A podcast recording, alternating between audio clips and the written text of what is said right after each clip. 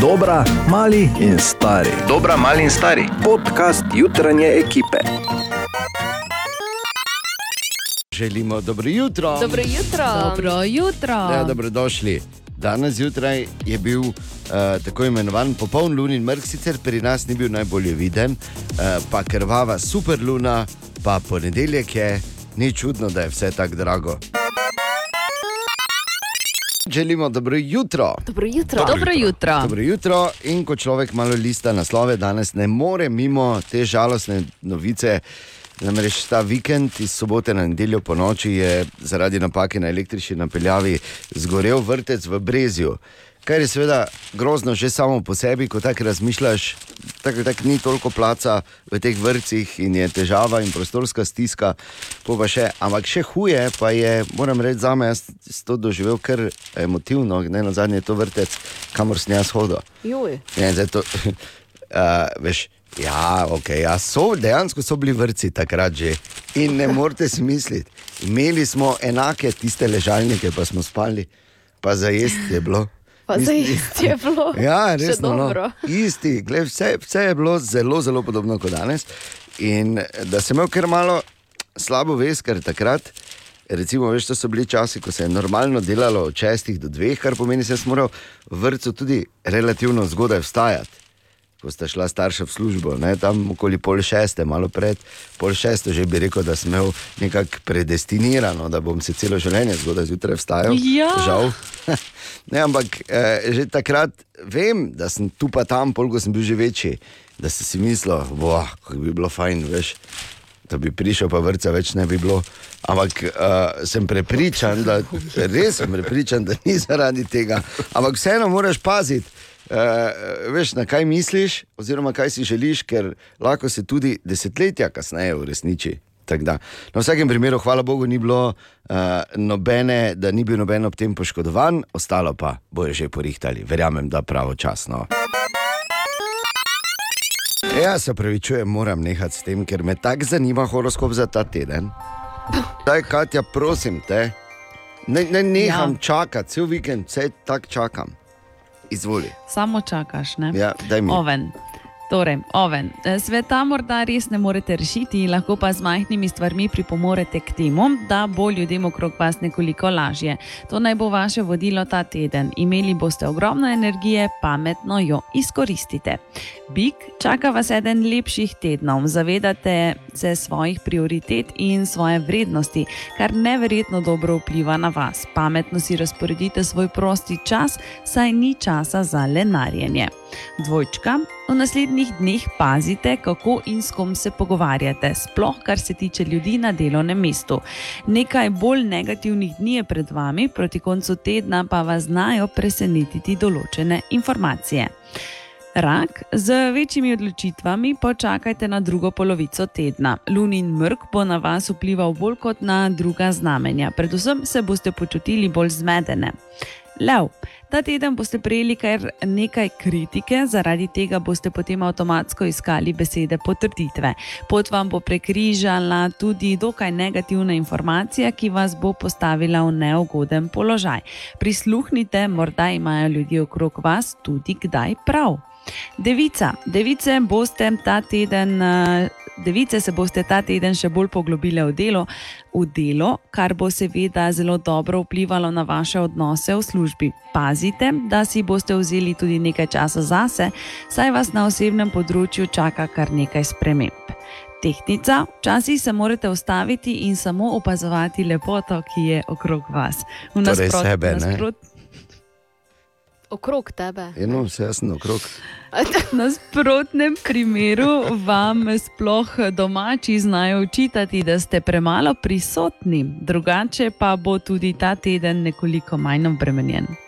Super. Škor, si veseli Ja, zdaj? z- zelo sem veseli. Zdaj pa, zdaj pa nadaljuj, prosim. Škorpion, pred vami je teden eh, poln presenečen, ta pa boste prijemali v vseh oblikah. Uživajte v podpori, ki jo imate, in ne pozabite, da se tudi od vas pričakuje nekaj podpore drugim. Strelec, ne morete biti na večjih krajih naenkrat, zato pazite, kako oziroma koliko vabil, vabil sprejemate. Boste pa ta teden predvsem neustavljivi. Teden vam prinaša prinaša ogromno priložnosti za osebni napredek, ne spregledajte jih. Kozorok, enostavno ste si naložili preveč obveznosti in skrbi. Ta teden je pravi čas, da določite svoje prioritete. Vpliv lune vam bo pri tem v zelo pozitivno pomoč.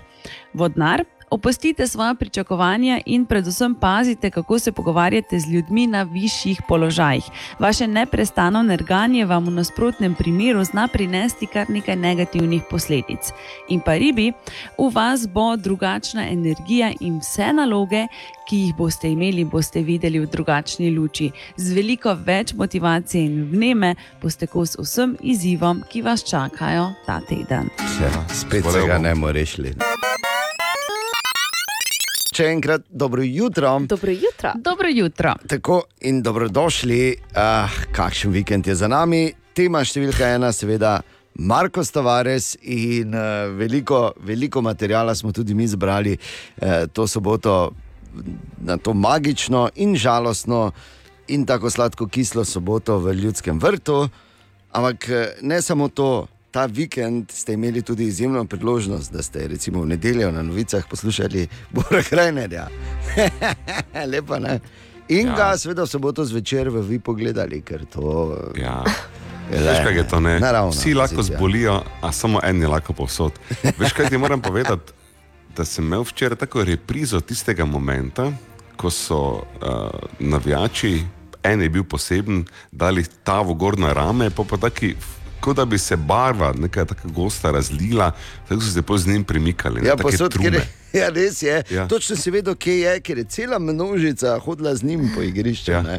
Ja, in tako ista množica je v nedeljo ne, pritiskala na mene. Torej, jaz sem tako z roko, nogo zdržal vrata, ker so noter vdirali ljudje z enim samim vprašanjem: kje so najboljši trenutki tekme? Ja sem bil tak, ja, ne vem, Ana montira, kaj se dogaja, se že znamo podrobiti. Ne, zdaj si. hočemo najbolj prisežen. Kaj ne zmišljuj si? No. Klici, maili, četi, kje so najboljši momenti tekm? Eh, tekme. Tekm. Tekem. Ker je bil tekm, je bil Ne, tekem je bil. Dobro, vse je vredo. Lepo, da so te si jih pozdravili. Imam samo vprašanje, Ana, imamo, smo zmontirali. Seveda imamo. Ne, z muziko gremo dalje. Dajmo. Ne, ne, ne, kaj čakamo? Oh, Najboljši momenti ja. tekm. V ljudskem vrtu imamo en izjemno, izjemno, izjemno emotiven moment, presenečen, ki ga je klub pripravil Markusu Tavaresu in sicer eh, njegova družina, torej oče, mati in brat. Markus je seveda mislil, da so v Braziliji, ampak skrivoma so jih, oziroma oba brata, skrivoma so jih uspeli pripeljati v ljudski vrt in zdaj so presenetili. Našega kapetana, našo legendo, in se seveda zdaj objemajo. In moram reči, da je izjemno, izjemno. Jaz tu okoli sebe gledam, so uh, odrasli moški, ki uh, imajo kar rosne oči, bom rekel, velikim veseljem in ponosom. Uh, lahko prvič povem, da uživo iz tribune Marko Stavares, kakor se po novem imenuje stara prenovljena tribuna, nič več zahod, ampak tribuna Marko Stavares. Deveta minuta je, teče, kako prikladno se je igra ustavila in zdaj je, oh, kako lepo, hvala, se je izpisalo čez celoten vzhod, eh, Marko Stavares, velik dres, eh, razvijajo na jugu viole in eh, res vrhunska, vrhunska koreografija, ki jo spremljamo na tribunah ljudskega vrta ta trenutek. Maribor je hitro izvedel prosti strel, zdaj je lepo stekel Ivanovič v kanski prostor. Ivanovič in ena proti ena!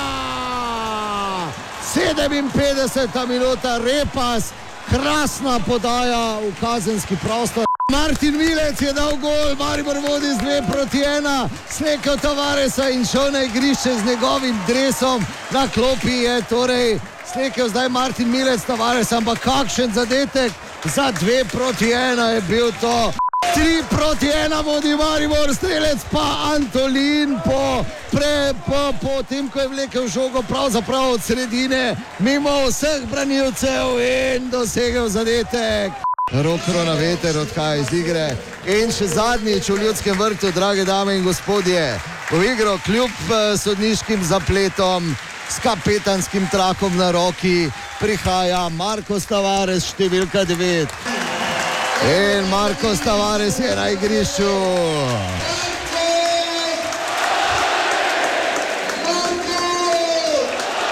Ah, kako poseben je ta naš kapetan, kako radi ga imajo vsi v našem mestu. To je jasno vidno tudi po tem uh, kričanju njegovega primka in ta trenutek tudi ognjemet uh, iz uh, rezervnega igrišča oziroma iz trening igrišča našega nogometnega kluba, pa tudi iz Južne ploščadi in ogromno bakel na jugu in zdaj imamo tu slavje, kot se spodobi. Marko Stavares mlajši se pripravlja, da vstopi v igro.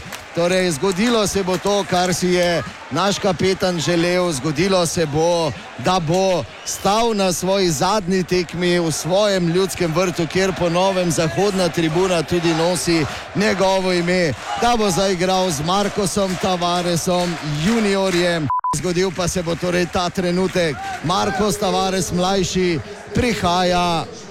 Na igrišče, dva Tavaresa imamo na igrišču. Na koncu lahko rečem samo, hvala lepa, kapetan, hvala lepa za vse. Kaj tako Ja, človek in- Jaz sem kurijo, da ni kaj. Ne, to, da, ne? da, zdaj- zdaj razumete, da te trenutke podoživeti to je nepozabno. Res je. Ker tam, ko se je ono dres razvil pri violah, pa hvala napis, ki se je oblikoval, iz, Ja. ne, ko so ljudi gor potegnili. Tako je bilo. izpodriti. Hvala je bilo na, ko smo tegnili spodriti.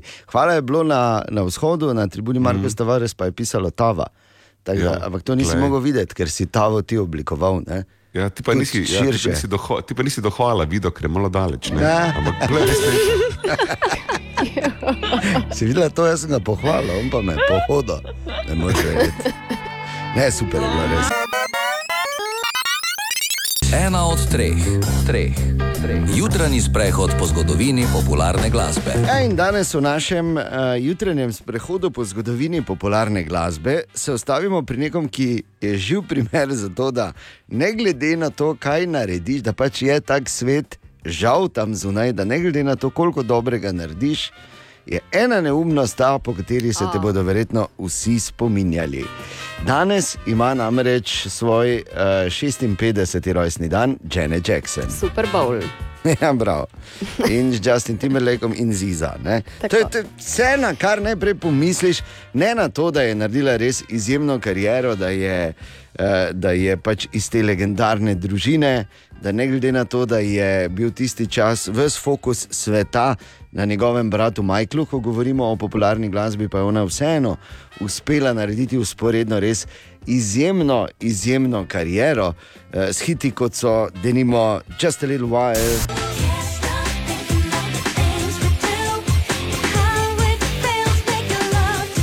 Ali pa Denimo Escape.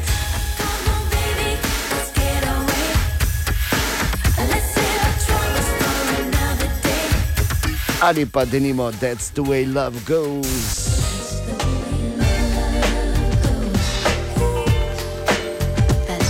Ampak ne, treba je najprej pomisliti, da je Zizo pokazala na televiziji, noro, katastrofa. Ja, no. E, moram samo reči, da hvala Bogu na taki dogodek v Borovi karieri še čakamo. Temo se ga, torej ga spominjali po izvrstnem delu, kot potem, da ga je kazal. Ne? Denimo. Zdaj tak, ne, če vprašaš Ano, ne, Kaj, ja, kaj, če vprašaš? Ne, haj pa daj Ne, no. ne, povej. Ne, ne dovolim. Izklopil sem te, Bor. Pet minut pred sedmo, Jenny Jackson je danes stara 56 in eh, mi bomo zavrteli ob njenem rojstnem dnevu še en hit, ki, za katerega je verjetno dobila inspiracijo v legendarnem eh, stand-up nastopu Edija Murphyja oziroma stand-up specialu eh, z naslovom Raw, v katerem je Eddie razlagal, kako bi bilo super, če bi si pripeljal ženo iz Afrike, ampak bi hitro prevzela ameriške navade in ga začela spraševati: Eddie, what have you done for me lately? Ede. Se spomnimo. Mogoče je ideja, ker danes naj bi deževalo, pa si daš ta legendaren stand-up special gor. Danes je ponedeljek, 16. maj. Spominjamo se eh, sobote, ko je še zadnjič Marko Stavares kot eh, kapetan prišel v vijoličnem na igrišče skupaj s svojim sinom, ampak tudi zanimivo dogajanje po tekmi je bilo in sicer je. Eh, Na tiskovni konferenci Markos poskrbel za nekaj legendarnih odgovorov, pa najbolje, da, jih, eh, da gremo skupaj skozi. No. Težko opisati, je vse mešano, vesel sem. Uh, na drugi strani, en del moje življenja bo se ugasla. Ampak ne vem, če vi uh, verjamete, 20 let nazaj, ko sem se spoznal ženo, sem rekel, žena, jaz hočem imeti uh, otrok in njegov ime bo Markus, moj ime. In moramo zdaj narediti, da, ker uh, hočem igrati z njim. 20 let sem počakal in danes se je uresničil. In to je zelo poseben dan za meni, za mojo družino. In ko sem videl staršev, nisem mogel verjeti. Moj oče je peljal, eh, se je zbudil pet zjutraj, me je peljal na treningu, na tekmo. Sem spal na tle, nisem imel dosti za jesti. In danes sem rekel, da se splača vse to, kar smo preživeli. In hvaležen sem, hvaležen sem ta, ta film imam danes, hvaležen sem za vse, za vse, uh, za trenerjo, za direktor, za klub, navijače, novinari, vsem. Hvala lepa. In uh, seveda je bilo eno od glavnih presenečenj v soboto tudi, da se je po njem poimenovala tudi uradno prenovljena zahodna tribuna. Ne, nikoli sem to mislil, sem prišel sem, da, da lahko zabijem kakšne gole, da igram nogomet, da, da lahko živam. Nikoli sem uh, mislil, da bom legendo, da bom bil najboljši strelec, da ljudje bodo meni spoštovali na, na tak način. Nikoli sem to predstavil. Jaz sem hvaležen, samo to imam v sebi. Hvala Bogu, hvala Jezus, ker eh, brez Jezus ni šanse, da, da živim, kaj sem preživel danes. In eno od najlepših presenečenj je zagotovo bilo, ko so se odgovorni v klubu odločili, da skrivoma iz Brazilije na to poslovilno tekmo pripeljejo Markosovo družino, torej mamo, očeta in oba brata. Težko. A... Ne vem. Starši, ko, ali ne samo starši, pa dva brata, ko so prišli. Danes sem bil, ne vem, bolj nervozen kot ko čustveno, ampak.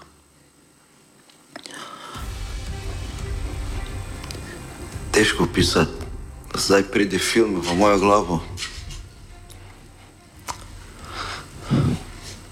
In tudi uh, ime uh, tribune, ko se imenuje Marko Tavares, to je za mene veliki, veliki, ja, ker jaz, jaz ne vem, jaz sem človek.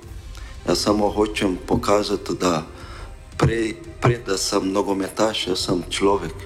Spoštujem vsemi in sem hotel samo biti uh, vesel, ko igram nogomet in, in kaj vse to je prišlo, je za mene preveč, res preveč. In sem zelo vesel. In torej, to je bila tudi ena od redkih priložnosti, da so starši in oba brata videli v bistvu uh, igrati Markosa pred tako polnimi tribunami, in da so tudi neposredno iz prve roke videli, koliko dejansko pomeni temu mestu in vsem navijačem. Ni dosti. Mislim, da moji starši nikoli so, so bili na tako tekmo, ko je bila polni stadion, pa tako premalo eh, časa so bili tu v Sloveniji. In zato uh, starši so vse naredili, da lahko biti dober človek. V Braziliji ni lahko. Moji prijatelji pol so umrli, pol so v zaporu, ni lahko uspe v Braziliji in moji starši so naredili vse. In morda še to uh, Markosovo pač videnje oziroma pogled na vse skupaj, kar se je dogajalo na tribunah, na uh, vso, uh, vso zahvalo za vse, v bistvu, ki so jo pokazali tisoči navijačev na tribunah ljudskega vrta to soboto. To je težko, težko pisati. Vse je bilo super, preveč, preveč. Uh, nisem mogel držati. Uh, vse te uh, honor, čas, ki ki ljudje so, pride, so, so meni dali, to, to je bilo preveč. Težko pisati, kaj je bilo najboljše ali kaj, kaj je bilo tisto. Ampak jaz mislim, da tudi takrat, ko sem igral za sino, ne, dvakrat, ne, dvakrat sem njega podal, to, to je pisano, to je zgodovina. Ne. To sem hotel in, in hočem uh, pustiti ta, kako se reče po slovensko, legacy. Uh, hočem uh, pustiti v Sloveniji. Absolutno odkljukano, že bi lahko rekli. No, ogromno stvari je še bilo v ljudskem vrtu to soboto, in eh, vse do konca jutra, do desetih, se bomo skupaj spominjali uh, in na nek način potegnili črto pod ta sladko-kisli večer, ki pa je šel v zgodovino. O eni posebne sorte grozljivki, ki se uh, dogaja, oziroma ki jo poznamo, če gremo nekam z avionom. Ni interneta. Ali pa tudi če je, no, je v bistvu samo bolj ali manj tako, kot je vse bilo včasih pred korono, zdaj kaj je po koroni, ne vem, ampak pred korono si imel samo veš tisti neki intranet njihov, kjer si v bistvu lahko si tisti list, ki, ki je tako spredaj, ne, kjer piše, da te piščalka na rešilnem jopiču lahko reši, če padeš v vodo. Si si ga lahko gledal, pa ponudbo v trgovini, recimo, ne? pa neke brezvezne igre igral. Pa popravite me, kadarkoli, če se Ne, motim. tako nekak, tak nekak je. Ne? Tak nekak Ampak je. nisem nikoli ne bo razumel, da naprave mora biti sklopljene pri vzletu pa pristajanju, ne? a za internet je pa vredo, če jaz oddajam malo te signale, Pa to. sej te naprave še enkrat to ni zato, ker bi to tako hudo motilo, ampak to je zato, da ne pade dol, pa se zlomi, pa pol mora letalska družba odškodnino plačati. A zakaj ste mislili? O tem, o tem ti govorim. Ampak za internet na avionih se baje. Obetajo boljši časi in že testirajo, in že naj bi delovalo, odkar je Elon Musk eh, gor poslal oziroma začel graditi to Starlink omrežje, je internet praktično posod in tako naj bi bil ponovem tudi v avionih. Yes. Elon Musk rabili. rešuje življenje. Ja, res in vse. In nasplošno je glavni. Hočem samo povedati, da vemo, kaj se dogaja. Se ne zdaj zato, da bi to bila taka informacija, brez katere ne moremo skozi, ampak po drugi strani pa, gledaj, ne, lepo selfie gori, hopa, to, to sem, ne, pa poslati, pa objaviti. Mile High Club. Pa. Vse to bo lahko zdaj se dejansko kar dogajalo. ne. Pač samo povem. Želimo dobro jutro. Dobro jutro. Dobro jutro. Um, že dolgo nismo postavili nobenega vprašanja povezanega z kakim pojmom, ki ga nismo razumeli, Bor, zdaj pa bo čas. Ne, razložiš, katera država je to? Avstrija je z današnjim dnem. Katera država je Avstrija, Avstrija? ja. To je Avstrija je. Čakaj, no, da Ja, to je slišimo še enkrat. kjer lahko vstopiš v sosedo. ne. Avstrija je z današnjim dnem od. Avstrija. To je nekaj, po mojem je mesto blizu Amsterdama. ne? E, Zraven je pa Avstrija. ne vem, če bi. Ne Avstrijski Amsterdam. okay, se pravi, tezenski in poseben pogled na življenje, hvala vama. Meni je bilo samo Amstrija smešno. O, Tine! Ja, Tine, dobro jutro. Ja, dobro jutro. Dobro jutro. Ja, pa kje si hodil cel vikend? Prvi ponedeljek, ti ne veš, ko vemo, ne, da je Tava odigral zadnjo tekmo. Ni isto, priznaj, da ni isto. Ne, ni, to sem že zadnjič, da je v petek, ko smo z Natalijo tu ne sem rekel take. Pač prav čudno, ne? ker zdaj tudi če ga zdaj ni bilo not, ne, ali pa pač ko Si ni vedel, špilo, je, vedno si rekel, gledaj starega not, pa naj naredi. Ne reši situacijo. tako. Zdaj pa, ko že rekel, da je starega not, bo čist drugače zvenelo. Ne? Ja. Se oborže oblači.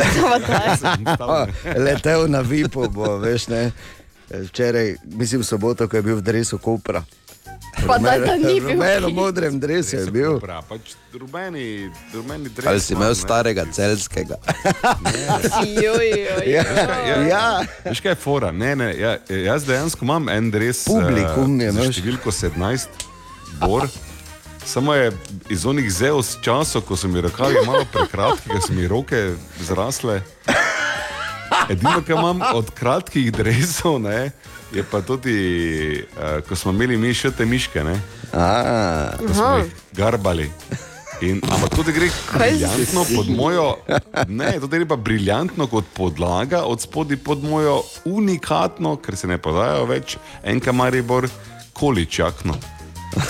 Glej, Tako. ko, greš, ja, ko greš na tekme, treba malo poskrbeti za vides. Ne? Ja, Dobro, skolič, nisi prišel ja. v rokometnem drevesu GAK ali pa nekaj. Ne vem. Ker bi te z lahkoto nekdo nasral, da je to ne vem, neki prastari enkamari v drevesu. Če me dejem video, pa rekel, kot tam še ne vem, kaj? Ko smo če za Koper navija, da je bil prvak. Čas je, da se posodobiš malo več. Ja, res Vijolična je. baj, to vaš nasproti svojega Ja, bloka. Ni ni tako tako imaš daleč. na hofu, tako da Ja. idi tam eh, pa reči, naj ti dajo eno. Ja. Ne, če z številko rabim. Vse ti bomo Samo- dali na obroke. Ni take, šte, ni take številke. Povej, morje pride. eh, Tine, če se 19 je spomnim, fraj? vreda je, bor, daj mi. 99, fraj? Lega. Ne. Nekaj z devetko bi imel. Nino Žugel ima 99, tako da lahko imaš njegov dres. 1,9 lahko imaš. Ali pa 103, ne, da se že vedno spomnim, na kateri rojsten dan. Uh, ok, Tine, če se ne motim, si ti v petek izval Katjo. Tako? Katja, Ja. daj, Ja. Povej. Um, morda kdo že od vas to ve, ampak no, zdaj, zna, zdaj naj bi znanstveniki zagotovo potrdili, da imate tudi moški enkrat na mesec uh, neke Perilo. vrste menstruacijo. Ja. Absolutno. Sicer nič ne teče, uh, imate pa. No, okay.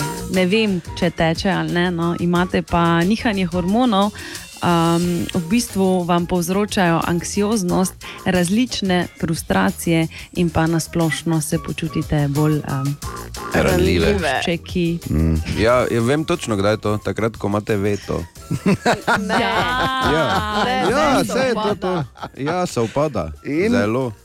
In zanimiva razlaga, jaz sem vedno to mislil, da, je, da, to, da imamo to zaradi uh, slabega vodstva. Aha, aha, aha, aha, aha, aha, efekt. Še enkrat, to je bilo vprašanje. Ja, dobro, dan. Jaz bi samo vprašal, če lahko Boro odgovori, zakaj te del telesa, da se pi in se moraš popraskati. Včasih bolj, včasih manj, včasih je to tako težava, včasih ne, samo to. Tako, samo to, samo to, Bor, samo to odgovori, prosim. Torej, se reši. Gre za prastaro vprašanje, ki seveda z leti ni izgubilo svoje pomembnosti. Zato sem jaz dal vse od sebe in zbral devet odgovorov na vprašanje, zakaj se tam praskamo. Okay. Je pa res, da samo eden v bistvu pravilen in pa- bom tudi prepustil žiriji, da izbere pravilnega, ampak devet razlogov, zakaj se praskamo.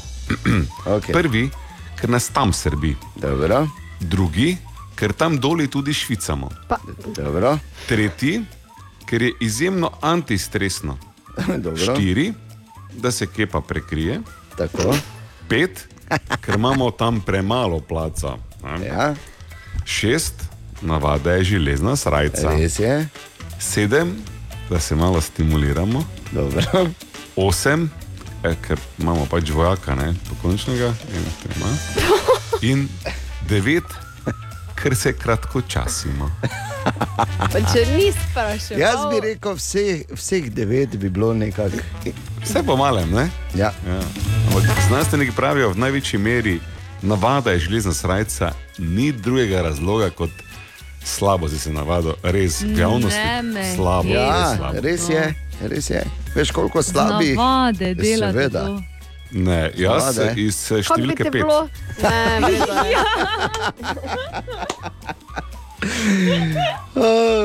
No, evo rešeno, pa smo se spet nekaj naučili. Hvala lepa, Bor. Ali tudi vi pogosto totavate v temi? Aha, efekt, da boste vedeli več. Dobro jutro. Dobro jutro. Dobro jutro. Ja, tako, še vedno vlečemo črto pod uh, ta magični, uh, torej sladko-grenki večer, ki je bil v soboto v Ljudskem vrtu, ko se je uh, od polnega ljudskega vrta poslovil uh, naš legendarni kapitan Marko Stavares. In seveda ne bi bilo tako lepo zaokroženo, če ne bi na tribunah, na tribuni tam, seveda, ne tu, kjer sedimo mi, ne, ampak tam, kjer je iz, so sedeži iz usnja mladih jagenčkov, ne, da se njihova koža ne vname na vipu. Borgrajner, kaj se je tam dogajalo? Oprosti, Ne, te vprašam drugače, a kdo bo pa tam sedel, če ne jaz? Ne? Ja, res, res. Ampak kakšen večer, da je en? Mm. Kakšen večer, kakšna legendarna zgodovinska tekma in koliko legendarnih zgodovinskih debat. Jaz sem si gostujoče na VIP-u razdelil v športni in nešportni del, in potem še po športnem delu zaoral v tri kategorije, razdelil gostujoče na mlade, srednje in nekdanje upe. In eh, predstavnik eh, vsake od teh kategorij je stopil pred mikrofon, predstavnik mladih upov je tako povedal, eh, kak se on vidi kot možno legendo. Uf, to mi še pa kar manjka, ampak ja, zagotovo je enkrat to cilj. Nažalost pač ne bo mogel biti v Mariboru. Marko Stavareš, vsaka mu čast, eh, lahko zagotovo idol mladim športnikom, vsem, ne samo nogometašem pravi Rok Možič, mladi up izvrsten odbojkar, ki hara po italijanski ligi. Za srednji up so predstavnika izbrali oziroma videli v smočarju Klemenu Kosiju. Uh, jaz mislim, da je kakšne 20 let, če sem smučal, da bi lahko prišel do približno takih trofej, pa do takega imena, ne? pa do take ikone, kot je on. Tak, da upam sicer, da ne bo potrebno toliko časa, ne? ker uh, vsekakor mi, poleg smučanja, imamo še druge stvari v življenju. Tako da uh, nogomet, naprimer, ne, ki ni naša prioriteta, ne, sicer bolj iz tribun, pa iz igrišča, ampak vseeno. In mi si lahko v vsak, vsakem primeru naredimo, če delamo dobro. In to je Marko dokazal vsem, on je pravi človek, on je dobrotnik, on je pokazal, kaj so to vrednote in po njem se moramo vsi zgledovati. In če smo vsi zgledovali, smo lahko vsi tako dobri, kot on, ne samo jaz, ampak kjer je posameznik. Je rekel Klemen Kosi, da je bil na tem ali bi šel na tekmo ali ne, pole pa poslušal nas v petek. Prav rekel je, rad, vsi ti sem v petek poslušal in tako sem vrgel ven 75 evrov, kot da, ko da, ko da je drubiš. In predstavnik nekdanjih upov, ki je tako ocenil, da je Tava v bistvu mlada legenda, pravi. Ja, čestitam najmlajšo legendo, veš, eh, mlada legenda, iskrene čestitke. Tavares to, kar je dal za Maribor in tudi prejšnjim generacijam, Maribor ima eh, zelo dolgo in bogato zgodovino, ampak okay, danes smo tu zaradi Tave in iskrene čestitke. Ja, ne, torej, če čutite malo zagrenjenosti, ne čutite prav, ker s Tricem Bozgotom sva pol še kako ja. rekla. In ker, gledajte, gostujoče tribune nočemo, navijaške od viol, zahodne od tave, je dosti za razmišljati, ne? če me razumete. okay. Ampak ja, tudi tam, kot smo slišali, je bilo izjemno pestro in zanimivo. Hvala lepa, Bor, da si nam eh, omogočil pogled v tvoje ekskluzivno doživljanje nogometa. Mislim, vse vemo, da lahko kako okno odprem, ne, ampak ja, za res. Za res pa ne, ne. za res pa ne moreš biti tam. Tako je, gledano, tako pač je. Na seznamu nenavadnih naslovov, ki jih lahko človek prebere, je še en, pazi, tako piše, da so znanstveniki v luninem prahu uspešno posejali semena kreše. Hm? Okay, čakaj, so, moram prav zajeti, moram zrak, se pravi, v zemljo, ki jo je ne mogoče dobiti iz planeta, kamor je ne mogoče iti, so posejali rastlino, s katero si ne moremo kaj veliko začeti. Mislim, bravo. Aktualno na cestah. Napačen mikrofon imam. samo, samo naj povem, samo dva mikrofona sta. Eden je za eno obliko komunikacije, oziroma snemanje, in drugi je. In ta, ki je za eter, samo malo ne razložim. Ne, veliko, rečemo, gobice. Veliko.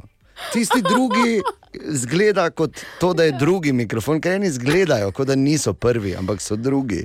Oj, oj. Ne, se pravi, zgleda dosti manj impozantno kot prvi. In včasih je pač težko razločiti, razumem. Ejo, jaz se pravičujem. Previdno, v glavnem na teznu, na uh, ptujski cesti. Po kaj si ti? No? Ne, ne, jaz, gledaj, zdaj pa si res videl vse, hvala lepa. Torej, vsak... Pri Selmarju je radar. Ja, tam pazite. Druga pa ni. Okay. Razen velika zagata v prometni redakciji. Tu je naš priljubljeni jutranji segment iz Borove Špajze. Bor. Ja, dobro jutro. Jutro. Jutro. Kak smo? Prido, ne? Tak, tak, ne? Ponedeljek začnemo običajno z vprašanjem, recimo tem, poznate uh, kakšnega takega, ki bi mu lahko rekli dlako cepec. Dlako cepiti pomeni prenatančno ukvarjati se z nepomembnimi podrobnostmi. Mm. Ampak enega takega rabimo zdaj, ko v luči izjemne tekme, izjemnega poslovilnega spektakla, dragega kapetana, govorimo o dveh stvarih, o katerih pa se moram po pomeniti. Tako, tu rabiš dlako cepca za kaj takega. Evo ga, cepca, tu je. Prva stvar- boljše bi bilo, da bi rekel, rabiš cepiti dlako, kot pa dlako cepca. Ne? Pa ne, to- zdi se mi, da je lepo, da je cepec v besedi dlako No, cepec. zato, ja, saj To, se- to se mi zdi pač. Pač primerno, ko se tukaj izpostavi, ker nekdo mora reči, jaz upam, da je z varnostnikom, ki jih je Face dobil ob koncu tekme, vse v redu. Wah, Pristal je v bolnišnici, ampak eh, ko sem se pogovarjal z vsemi tam na terenu, tudi njegovimi kolegi so rekli, ah, sam si je kriv v veliki meri, zato ker ko so se ljudje vsipali tam enega ustavljati, pa še to. Največjega, bila slaba ideja, pa še ta ga je potem branil pred ostalimi njegovimi kolegi pod narekovaji, ko so ga eh, pretepli grdo. Ne počne se to z varnostniki, ampak zgodilo se je, upamo, da bo vse najboljše. In druga ja, stvar, pri kateri je treba dlako cepiti, ste videli? Tribuna Marko Tavares, vse ima, samo sklenjatve, ne? ne? Bor, naj ti Ja, ja, no. samo, cenjeni kolega, razložim. To je ja. seveda edino, edino logično, da ne piše gori tribuna Markosa Tavaresa, zato ker eh, ljudski vrt stoji v Mariboru. Ne? V Mariboru ja. pa smo znani, da v našem narečju gladko prevz, prezremo in absolutno ne damo nič na rodilnik. tako.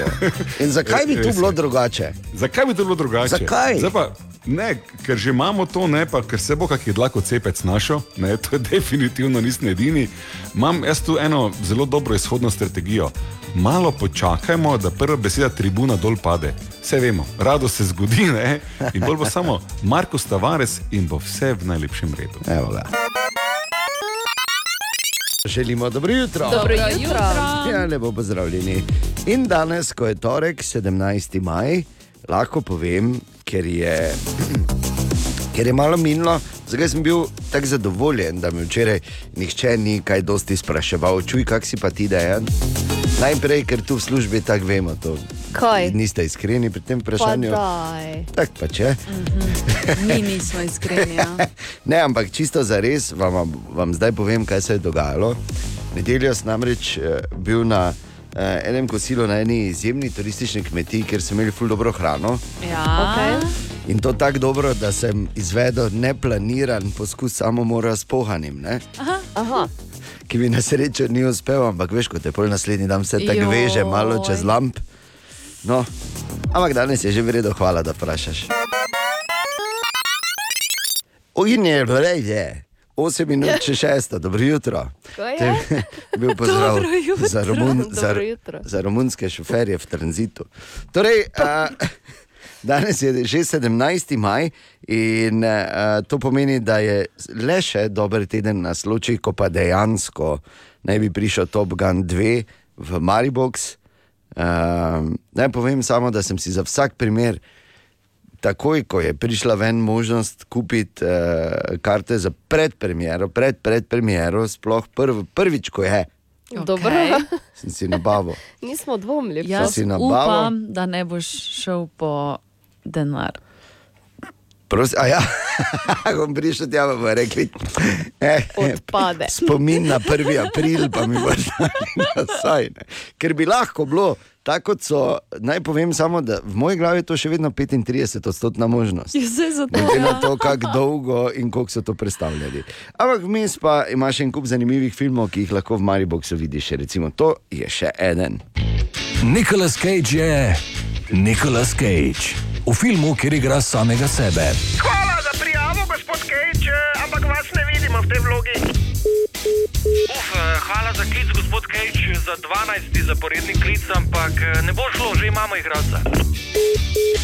Ja, nobenega filma ne dobim več, pa kaj je to? No? Ja, kaj bi zdaj do tega?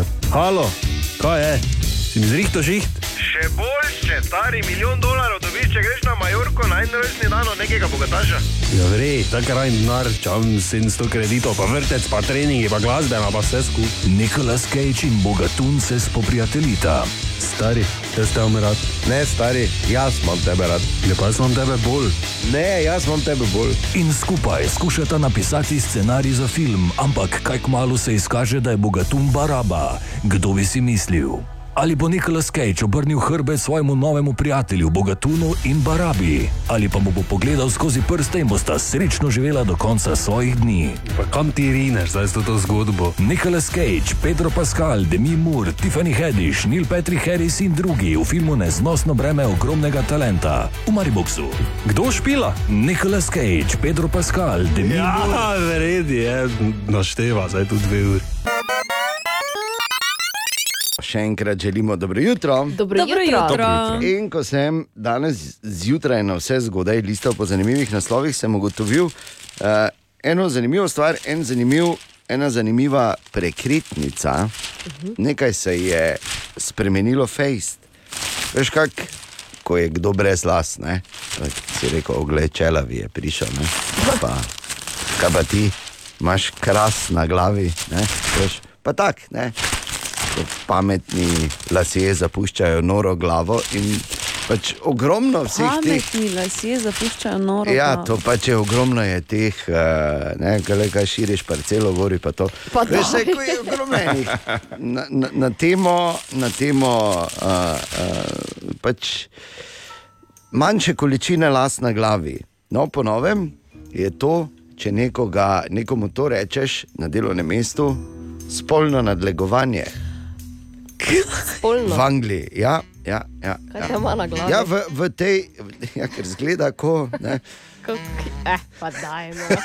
ne, ampak brez heca, uh, bil je en primer in se je ta precedent zgodil na uh, angliškem sodišču, in poslej je to uh, ena od oblik mobbinga in uh, je seveda kaznivo dejanje. Tako da, kak imaš lepo, samo nimaš dosti. Kaj misliš? Nič, nič, nič. Tako da moraš paziti. Ne? Kmalo pri nas, samo to smislo reči. Za vsak primer vadimo, pol sem pa razmišljal, joj, upam, da ne pride, ker kaj vse je neimenovani, ker zdaj se nočem kompromitirati. Član jutranje ekipe na temo svoje frizure slišal v preteklih letih. Joj. Veš, ki bi jaz bil? V gulagu. Ali pa sam na golem otoku. Ja. Sam, ogromno kamna, pa en mali hamer. Ja. Tak bi bili. Ampak zanimivo je to, da je to pravzaprav spolni prestopek. Tako. tako, da Tako. Malo sem. Še huje. Ne, Ne, pa, Daj, pa daj ne, fuj, pa ne ne razvijaj te borno. misli. Web, web, web, web check. Katja, dobro jutro. Dobro jutro. Dobro jutro. Dobro jutro. Bravo. Nove raziskave, ki so jih delali na Irskem, so pokazale, da se podatki povprečnega evropejca na internetu delijo 376 krat na dan. Za vsakega. Za vsakega. Kaj še le za Bora, ki je nadpoprečen. ne? Zdaj ravno rečete, 300, to je eno. Medtem eh, se recimo podatki povprečnega američana delijo 747 krat na dan. Veš, kako se časi spreminjajo. Včasih so rekli, če je bila kera, da so si jo poprečno na leto delili po 150 krat, da je bilo nekar. Ne? Danes pa imaš 375 delitev vsakega na dan. Ejoj. Kam je šlo to? Ne? Se bom zadržal. Ali pa da so si ga delile. Ne? Se veš, se to je v obe smeri je šlo. No. Ja, točno to je. Tako, Ja. tako. To je še vedno v obe smeri. ne? Vse gre, vse nisem rekel, samo pač drugače je. Ne? Zagotovo je Ja. drugače. Očitno bolj ne. Um, ja. Smo te zmedli, čist ne. Ja, ste me, Kaj ja. si mislila reči? Nič, uh, imam še. Te nič, ampak eh, boš vseeno. ne? Nič pomembnega. Povedala vam bom eh, astrološka znamenja, ki so znana po visoki inteligenci. Spet ali res moramo izpostavljati. Ne, moramo, Ne, dejansko res? moramo. Pa Prva dajmo. tri, uh, oziroma mislim, samo tri so in gremo od tretjega navzgor. Dobro. Na tretjem mestu dvojčka, na drugem škorpion, In na prvem, Kozorog. vodnar. Vlasta, vodnar. vodnari, Nismo zraven. Noben od nas, kar je, Noben od kar je nas seveda evidentno, tako da ne vem, kaj smo pričakovali. okay, cool. Opozorila pa bi še na dejstvo, da je danes svetovni dan peke peciva. Dobro. Torej, 17.5. svetovni dan uh, peke peciva. In, um, um, Si nekaj ne spekla, bi, ne? ne, ne, ne bi. Kako si um, te voščiš? Ne bi Em, na očitno, ka- ne, ne bi na očitno kazali. Ampak en sodelavec že dve leti obljublja, da bo svojim sodelavcem prinesel pecivo. Točno. Ne, nisem Oziroma to obljubil. sladico. Nisem to obljubil. Dve leti Rekel že. si. Samo malo. Jaz sem bil zraven. Ne, Zapisano imamo v Ja. našem Ja. dokumentu. Ampak nisem rekel, da bom prinesel. Ne, kaj Jaz sem rekel, Da da bom, da bom doma tu naredil. Ja, a ni Ja, to, to je razlika. Hujše? Dve leti, Se ne da rabi biti Ne, ker- pečeno, lahko je narejeno. Se zato se ne bi pekel, ker imamo pečico slučajno na radiju. No. Dve. Rekel sem, da bi tu naredil. Dve leti. Ja. Veš kaj, vmes je bila korona, pa vse Pa so to. bile trgovine zaprte. Ja, pa ni več Ja, pa tako. cukra je Cukra zmanjkalo. Zdaj smo se zredili, pa Vsega, ne. res je, Ja, pa se- pogledaj, vse kakšni sta. Pa pa jaz. Webcheck. Pardon. Ne, Wow. glej, samo čakam na pravi moment. In če bi mi pecivo. Katja, če bi mi recimo uh, v petek rekla, glej, v torek je mednarodni dan peciva, ne, mogoče Mhm, Spet si bi. kriva. Ne, ampak Seveda, pravim. zredila sem se, kriva sem za vse. Sploh pa, Pa je še me- neinteligentna sem. Ne, Hvala za to smo vsi, to smo vsi. Debelinki se ti da zahvaljujejo. hvala ti. Ja. Sploh pa je danes mednarodni dan peke peciva, jaz nisem rekel, da bi spekel. No. Eh, pa daj, no. ni konca. No, danes pa je 17. maj in danes je ena zanimiva obletnica. Leta 1996 je prav na današnji dan papež Janez Pavel II. prvič obiskal Slovenijo. In uh, ja, tega je že dolgo, dolgo nazaj, in že takrat smo se znali hecati malo tudi, ne? in to v legendarni oddaji, tudi pri nas na radiju, City v oddaji HBDEKV. In običajno se, oziroma hvala Bogu, da je konec vikenda. Ne?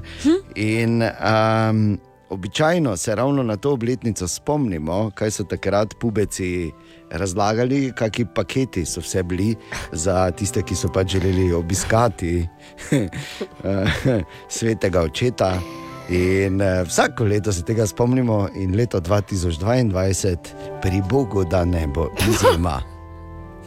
Spomnimo se, torej, ta posnetek je star že praktično 26 let. Red rumeni, to je skromni red, 3500 dolarjev znaša prispevek za delno pokritje stroškov in v ta paket sodi brinova vejica, za katero vemo, zakaj se uporablja, potem priročno sedalo, seveda potem tu ne sme manjkati križ svete reke Jordan, pelerina in pa slivo knedl. Red oranžni, 7300 dolarjev.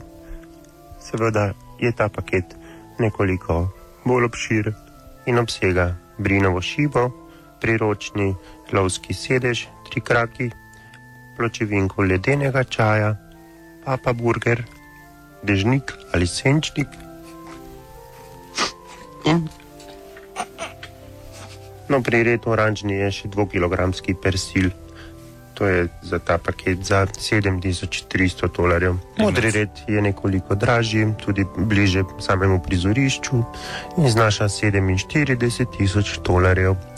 Tukaj dobimo dolgo brinovo vejo, kamping komplet, stolov, mizica, papa burger,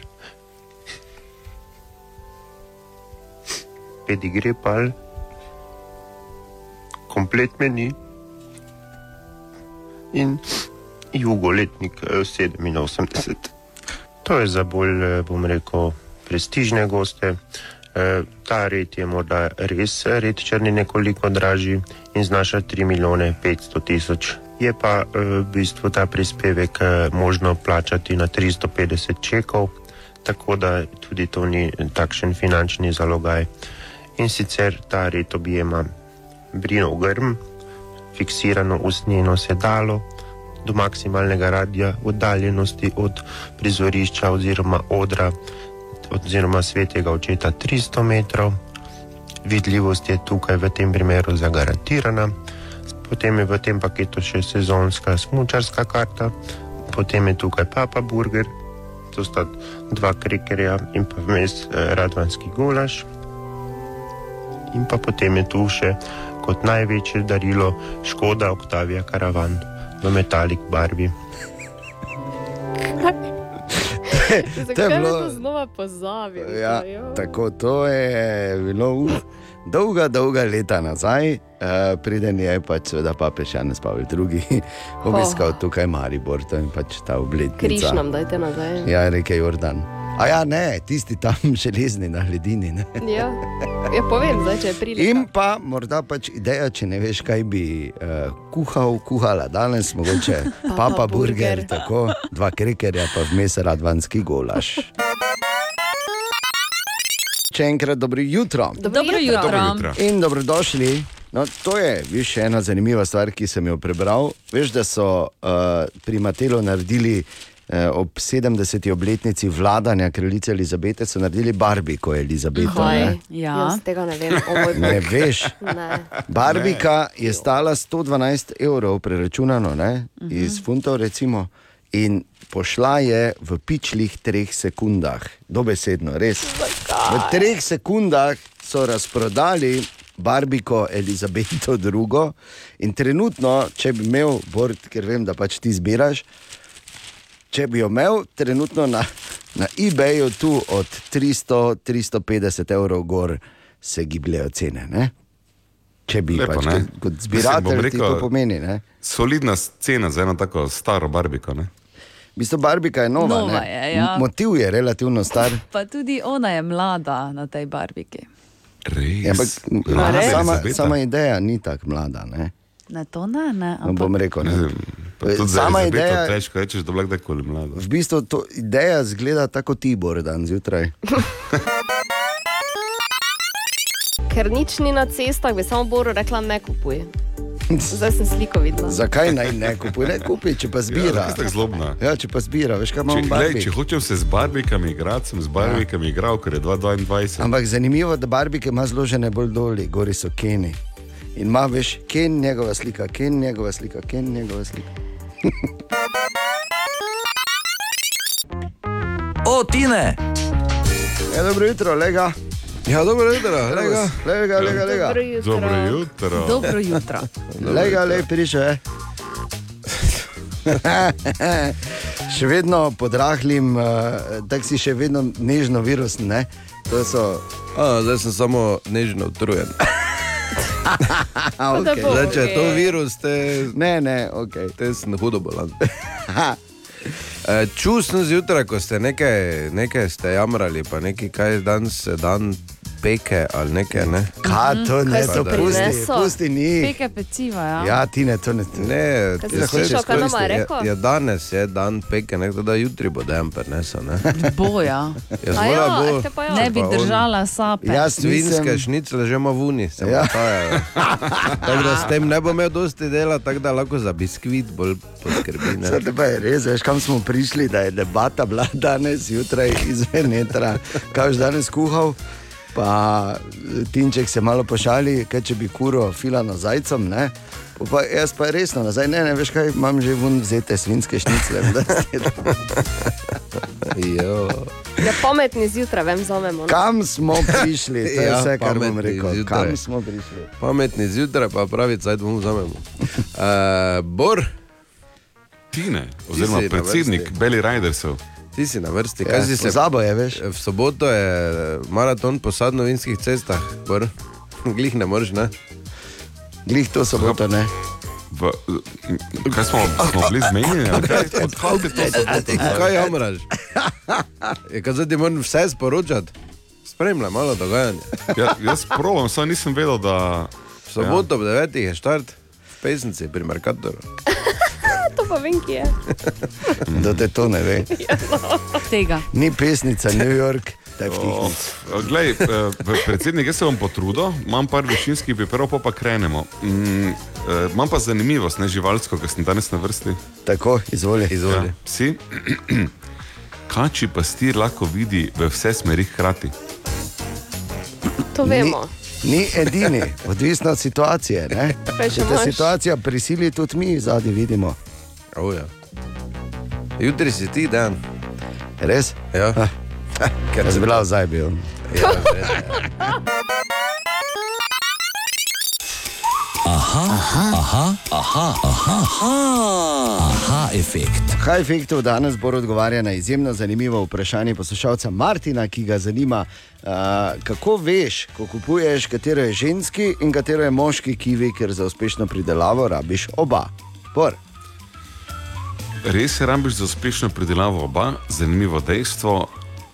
Ena moška rastlina kivija je potrebna na osem ženskih kivi rastlin. Pa to je tudi drugače, ne? Se veš, ne? Ja, malo drugačno to se razmerje kot pri preki- nas. Ampak ne, ampak se realno, pazi, zdaj eno je, kar je od narave dano, ne? drugo pa je, kar pač je pravno formalno. Izklopi me, prosim.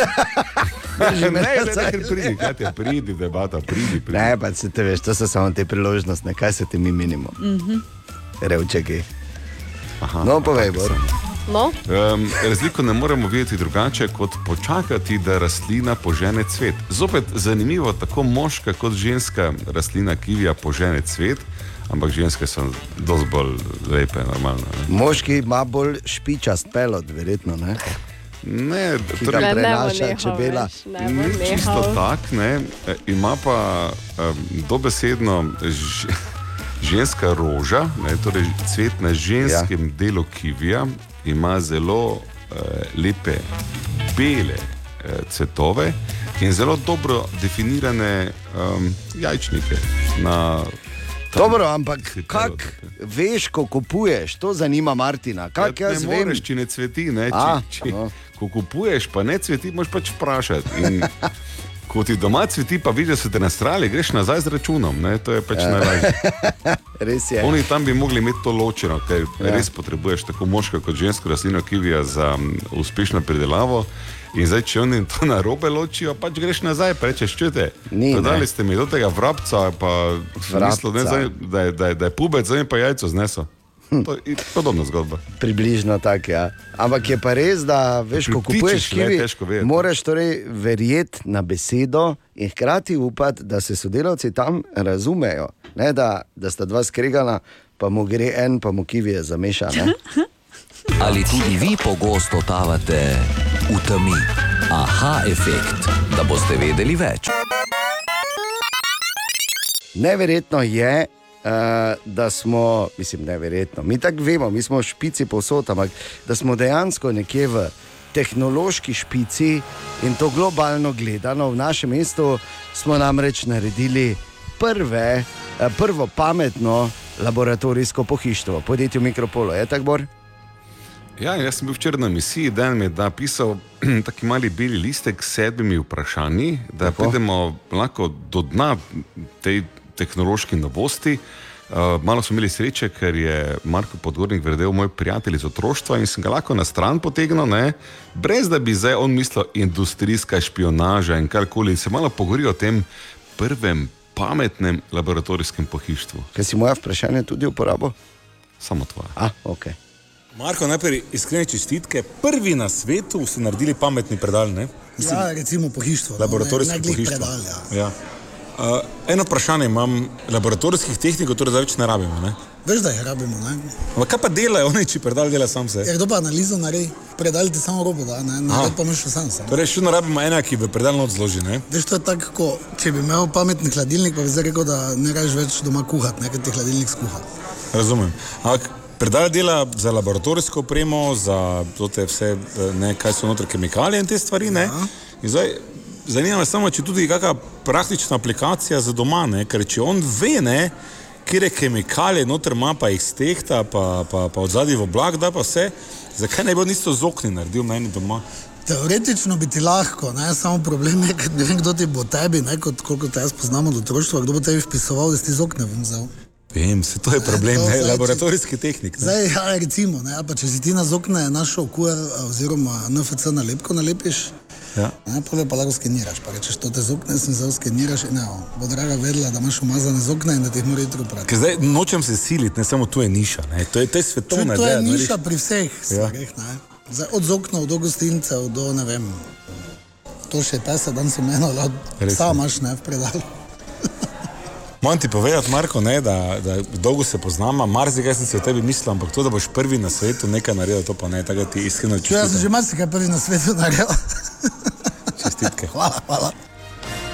To je tudi šlo, da pogovor šel v drugo, manj bolj javno smer, ne? ampak ja. jaz sem relativno, bom rekel, uh, v pričakovanju tega, da da je najna ideja za tržno nišo, bo v kratkem rodila finančne rezultate. in Naj samo povem dve stvari. Prva, tudi enega mojega vprašanja nisi uporabil, to je prva stvar. Tudi enega ne, ker nisem, nič od tega me ni zanimalo, mene so resne stvari zanimale. In kot drugo, da si inovatorja eh, na mnogih področjih, Marko, ta, ki ima ne na zadnje podjetje z zelo, zelo zanimivim načinom upravljanja s kadri, užalo. In si mu rekel, da boš ti nekaj prvi, to si pa nisem mislil. glej. Do sem si mislil, sam, da boš pa ti prvi na svetu nekaj naredil. Potem, ko je že kar nekaj stvari, med prvimi so mikropolo razvili, bi ti res čestito, Bor, pogumno. Ja, mislim, pa človek. Pogumno. Samo res, zdaj, zdaj, zdaj, zdaj ko tako premislim, ga poklical zdaj nazaj, jaz mislim. Ja, Ja. Pa, pa povej mu, prosim, da tudi eno vprašanje, to ni bilo od mene. Zokni predal. Ono za tehnike je bilo tvoje, sigurno, sem zlisko, pravno. Danes, ko greš čez naše mesto, je dobro imeti s sabo marelo, ker eh, že zdaj tako rahlo dežuje in bo še čez dan. Ampak, ra, ja, ker so hodili mimo zdajžniki, Katja, se pa. Ne, ne bodi zdaj užaljena, če sem jaz videl, ti. Zopet za užalost, ja, verjeti, spet, no. pa to ne moreš verjeti. Ja, Nič ne moreš prav reči. Večno užaljena, Katja. Večno, večno. Vun- Vuni pa tako vreme, da če nimaš dežnika, ne hodi ven. Ja. Ne, ugotavljam eno stvar, da si ti kraljična, mi dva zborom pa zrno graha. O ja, to bi pa lahko, ja, bi tako bi lahko, se ne. pa lahko Se mi je pogovarjali. zdelo. Ampak danes ne samo z Marilo, čez naše mesto, vedno je fajn z odprtimi očmi, kot to recimo počne Jaša Lorenčič. Jaša, dobro jutro. Zdravo. Servus. Ja, torek je. Ampak kaj še koga vseeno malo od sobote gor drži od zadnje tekme Markoša Tavaresa v ljudskem vrtu? Ker to, to je tisto, ko imaš par dni kasneje še sam občutek, da ti lahko vse rata, če boš taki, kot on. Po tekmi je rekel, jaz sem prej kot nogometaš človek. Zato pa ima toliko od nas, kako zgodbo stavo. Naš dejan, recimo v petek, solze. Jaz recimo se pa najbolj spomnim, kak je že precej let nazaj enkrat nesel domov kanglice s hrano. One več nasropne kanglice, ko imajo za vrtce, domove, zavode, pa te stvari. Kaj te vem, kaj je imel not, ampak on je bil cel nasmejan že zato, ker je bilo karkoli not. Pa mislim, da nas je še pozdravil. No, zdaj pa čujem, da je baje na legendarno soboto nekaj šlo na robe. Ono face na robe, o Madonna. Pa sej vem, kaj boste rekli. Tak pica izlasto, da to, to ti dam pokvari. Pravijo, da bi se tribuna Markos Tavares, kot zdaj piše na obodu lepo prenovljene zahodne tribune v Ljudskem vrtu, morala imenovati tribuna Markosa Tavaresa. Torej, ne tribuna Markos Tavares, ampak tribuna Markosa Tavaresa. Kot so šole, ni Oš Bojan Ilih, recimo, ampak Oš Bojana Iliha, pa letališče Edvarda Rusjana, ne pa Edvard Rusjan in tako dalje. Ker obstaja nekaj, Hemor se reče svojilni rodilnik. To drži še iz pravopisa 2001, ko je imel recimo festival en taki ognjemet, kot smo ga fasali v soboto. Samo veste kaj, Tava je vseeno lahko gladko izjema. Če lahko toliko izjem pri pravilu za vse one vejice, pa da se baje novo mesto zdaj oboje z veliko piše, pa da nihče več ne piše zaželen, ampak zaželjen, pa kak se sklanja dno v rodilniku dvojine, torej dveh dn, dna, dnov, dnevov ni. No, kakorkoli, potem je pa lahko, ne, mora biti tribuna Markos Tavares. Ja, samo v Mariboru. Amen. Še enkrat dobro jutro. Dobro jutro. Dobro jutro. Torej, uh, tako pač je to v življenju. Včasih je kot da si v romantični komediji, včasih v drami, včasih v sitkomu, dokler nisi v trilerju ali v grozljivki, še vse štima. Izvzeto, seveda, kot recimo jaz, ko da zjutraj izgledam, ko se pogledam v špegel. Freddy Krueger bi ne, bil kar imel nočno moro, rekel. okay. On bi imel Ja. on bi imel ja. Tako. slovenske ulice. Ne? Razumeš? Razumeš zdaj? Te pa zapejeno, ja, če lahko. Zapej. torej, tudi danes zjutraj je jasno, da uh, pripravljamo uh, fulejnih stvari, da se dobro prebudimo, imamo same najprimernejše hite pripravljene in pa recimo uh, enih par stvari, ki so kar presenetljive. Bi rekel, da nekaj časa so se dogovarjali in pogovarjali, zdaj pa je čisto za res in pozdravljam to idejo in upam, da kmalo pride tudi k nam, uh, ker je španska vlada je odobrila predlog zakona o bolniški odsotnosti zaradi uh, menstruacije ne, pri ženskah. Bravo. Lepo, kako bi to olajšalo stvar. Kaj je? Same, Enkrat na mesec Same. bi sam delal en teden. Pravim, kako bi to olajšalo stvar. To je, veš, tu, tu so pogledali širše. Pa ne zdaj na robe razumeti, to je seveda Ja, ja, ja. ja. normalno in brez tega ne bi bilo uh, nas in ne bi bilo nič. Ampak tisti en teden, koliko bo zdaj lažje? Ne? Lažje bo damam, ki bodo lahko doma uh, se znašale nad uh, fikusom in pač ostalimi stvarmi in pač pretrpele uh, pač to, kar jim je narava n- zadala, to breme. In lažje bo tudi na delovnem mestu, ker ne bo toliko nekih Daj. konfliktnih situacij. Tijo. Ja, je res ali ni res? Se pravi, uh, Španci bodo vložili v medčloveške odnose. V bistvu kar so zaradi moških to naredili. Ne? Vseeno zaradi kogarkoli, samo da bo vsem lažje. Samo Ni da, res? to, samo da so Tako. naredili. Ja, in upam, da bo kmalo tudi pri nas. Papež Frančišek, oziroma um, eh, najbolj kul cool papež, kot sem ga imenoval pred časom, v, za mojega življenja, moram reči, za Borovega je verjetno drugače. Ne? Tam je še bilo veš, tisto, Izbor. tisti incident, eh, Bo, ko je Bor doživel, ko je za papeža se eh, ena ženska uh, prijavila. Dobro, pustimo. Torej je uh, na eni od audienc, ko so ga vprašali, kako je z njegovim kolenom, pa to rekel, da bi malo tekile rabo, ne? da bi bilo takoj boljše. Tako se je, pohecal se je, ne? ampak jaz sem hkrati rekel, ok, to mora biti. Ker takoj, ker takoj opozorilo temu profesorju na eni od Mariborskih gimnazij, ki še je nedolgo nazaj javno polemiziral, da ženska sodi za štedilnik, s temi besedami, da naj ne razume tega narobe. In pa en Japonec se je eh, par let nazaj poročil s hologramom. Tem je, eh, smo se pogovarjali, takrat tudi se spomnim. No, mm -hmm. Zdaj je ostal brez partnerke, Ja, ker je potekla programska oprema in ne delajo več osvežitev za te holograme. Tako da ni več. Samski. Ja. Ja, ampak pravi ne, samo pač nima je več na tak način, kot jo je imel, ampak da jo še ima vedno rad. Torej, v bistvu je na nek način umrla mu. Ja, tako. Žalostna zgodba. Ko Ne? tako poveš, je res žalostno. Dovec je. Dobro, no, daj, ne, ne, ne, Bog je ne bomo Japonec. peljali tega predaleč. Ne, bi samo rekel, da pač, zakaj sem to povedal v osnovi, da če misliš, da si obkrožen z samimi čudakinjami in čudaki, pomisli še enkrat. Verjetno ti niti ne gre tako slabo. 11 minut, če šesto, dobro jutro. Dobro jutro. Dobro jutro. Dobro jutro še enkrat. Dobro jutro. Dobro jutro.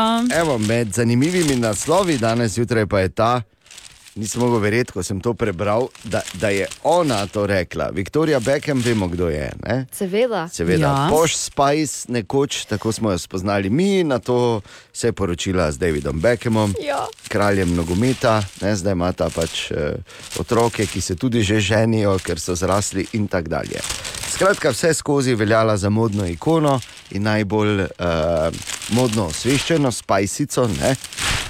In Viktorija Beckham, ki je dejala, pazi to, biti suh ni več v modi.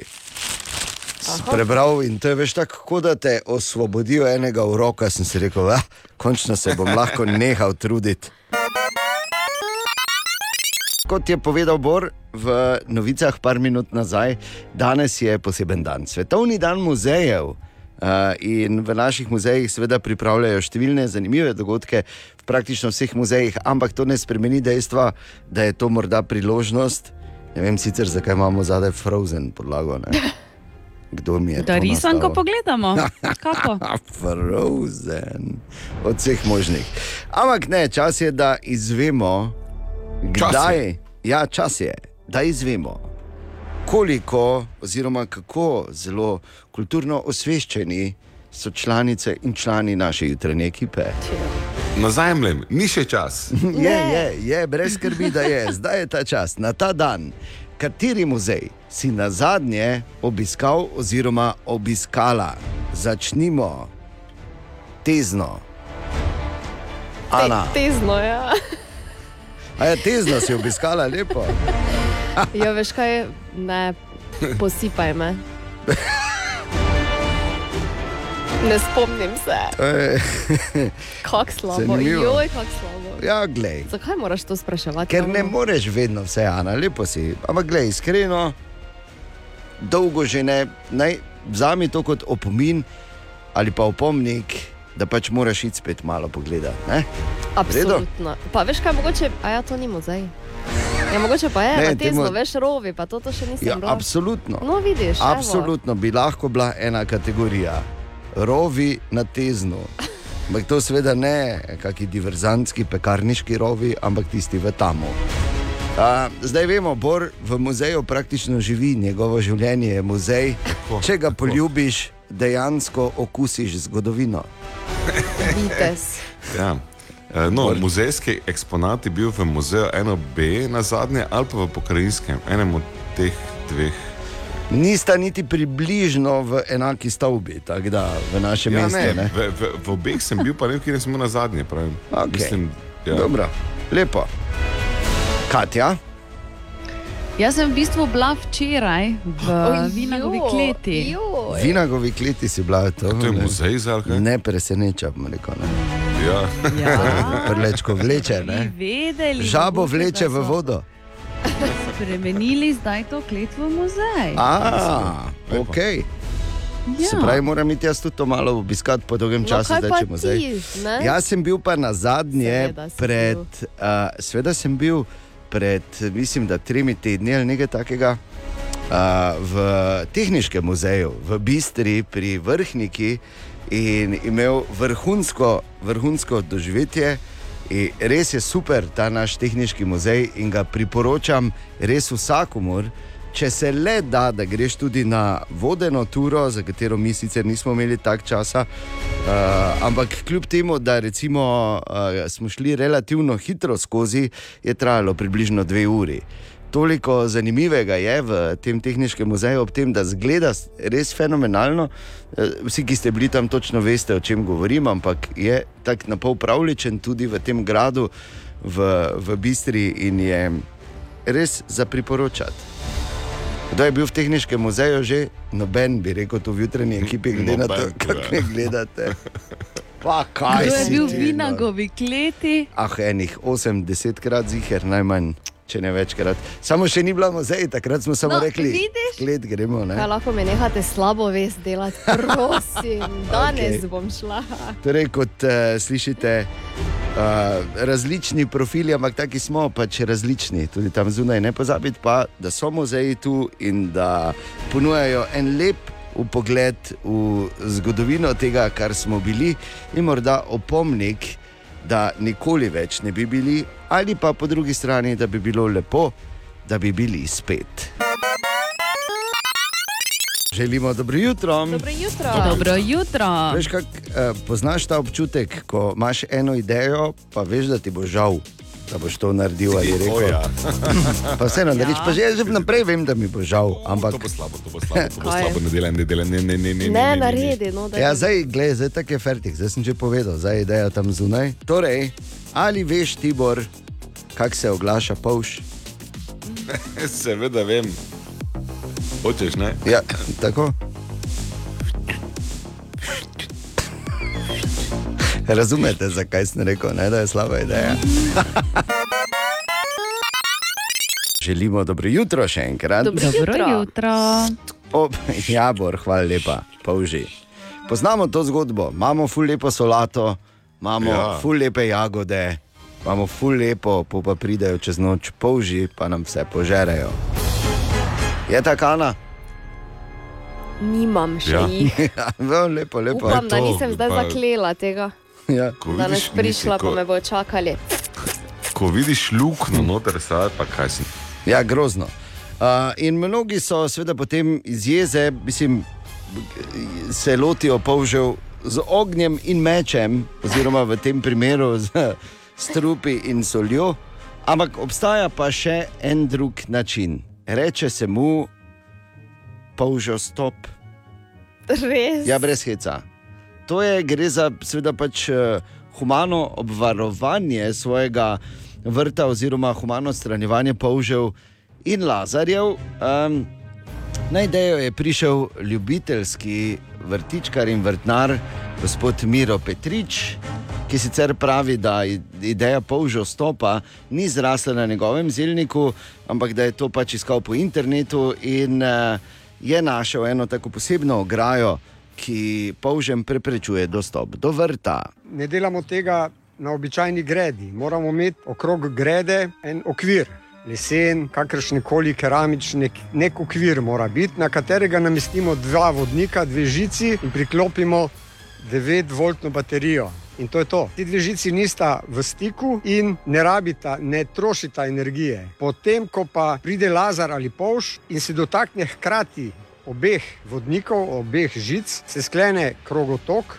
in elektrika iz baterije steče skozi polža, do polža in to ga strese. In on imamo, imam videe, kjer se kaže dvakrat, trikrat proba, potem pa se naveliča. Celota.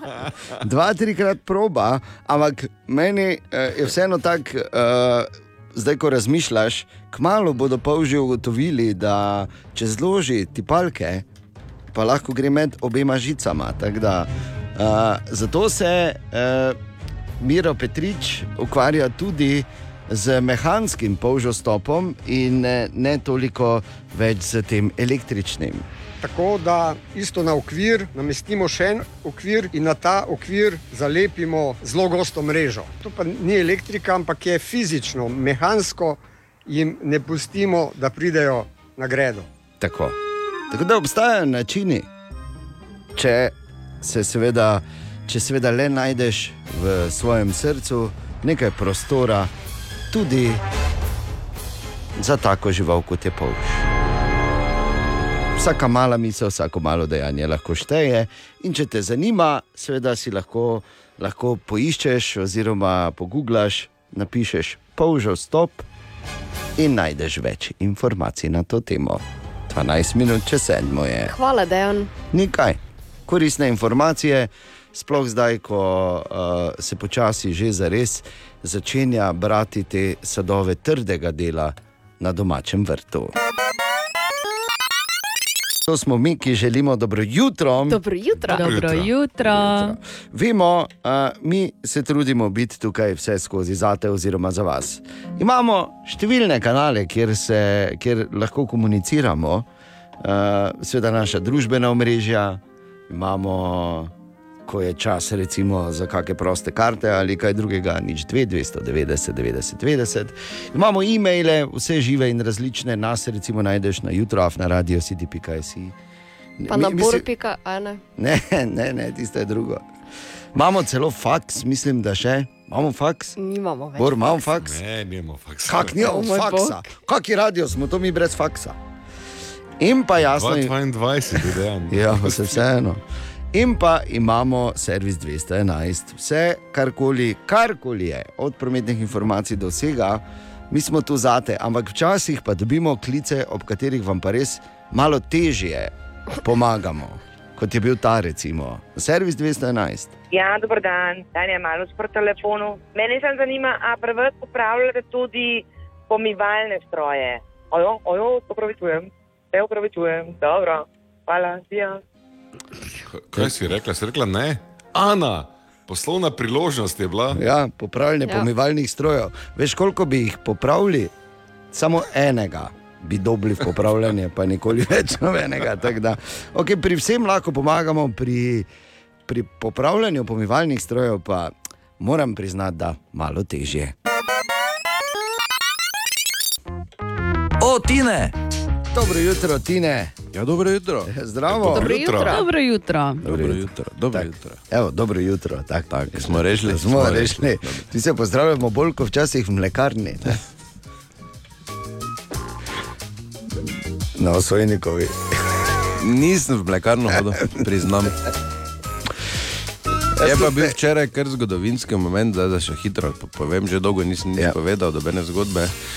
Uh, namreč uh, moral sem iti uh, zemljo pa travo kupiti, ker sem mogel, tako se reče, malo vum popravljati. Aha, ne, ker so nekaj odnesli iz vrta, pa neko hišico leseno, pa pa od spodaj nič ni. Ne. Je luknja, tako. Jaz sem mogel iti, pa smo s Sandjem, ne. smo mi dva šla v Kalijo po, Lepo. po, po zemljo, pa po travo. V tem prijem pa je bilo valjda 67 vrst trave. Za senco, za delno senco, za fusbal, za pesa, za normalno, za sonce. Pridi k nam kaj pogledati. samo Jaz sem to. te vzel za sonce. Ja. Po pa še boljše, po pa smo šla zemljo gledati. Aha. Yes. Ah? Ni preprosto več, nič več. Najprej sem poceni gledal, pa sem konjski eh, gnoj najprej hotel vzeti, pa rekel sem, da eh, konjski gnoj ne rabiš, nego opala se. Razen, če bi šampinjone gojil v kleti. Pa recimo, da nočeš tega. Ne? Recimo, da ne bi šampinjonov. Dobro, To vprašam sem se. pač samo hotel povedati, da je bil kar zgodovinski moment, dva križaniča, zemljo pa travo kupujete. okay. Lepo, ampak ti je uspelo? Ja, pol sem vse nekaj preštihal, tako mi je Ada naročil, ono posipal, ono zemljo gor, da ne ptiči požerejo, zaliv fejs, pa Se pa čakamo, kaj bo. No, pa sediš, pa gledaš. samo ne. zalivati, moram Zdaj vsak pa dan. ptiči, to, ne. zdaj pa ptiči buni so že, govorice še šle okoli in zdaj že Še oni malo. sedijo in zobajo. ne. Menijo se še malo, pa bo vuni, gremo. Mami si naročil, ne se dere, ker neki glas te manj. Tak je. Vsake toliko. Uh, okay, kaj pa imamo dan za eno? Ja. V bistvu je to zanimivost, ki je zmagovalka. Ne? Ja, v bistvu bi tako ti mogel imeti zanimivo. Ne. Ja, kaj če Ja, glej, rekel, da no, imaš ti? kje si. Ja, dobro, te baš imaš jutri, ok. Glej, ga, zdaj, čuti njega, kak naj. Ne, Pozabil si. Ne, pa nisem pozabil, imam. Ne, za, netopirje imam. Pa bomo jutri. Žerejo travo. Ne. Dobro, Ne. ve. jutri. Lahko Okej. jutri, gledaj, tako Dobro. smo dovolj govorili. Naj samo povem, da pač, eh, če ste navajeni redno hoditi v to trgovino z vrtnimi pripomočki in potrebščinami, in danes kakšna prodajalka ali dve manjkata. To je zato, ker pač ste rabili bolniško, potem ko ste morali Sama smo se znašli. intenzivno svetovati. Sama smo se znašli. Resno? Brez posveta se to me skrbi. To pa je. To me skrbi. To ne bi smel povedati. Da, ne, upam, da ne bo nekaj druga zaradi Hm.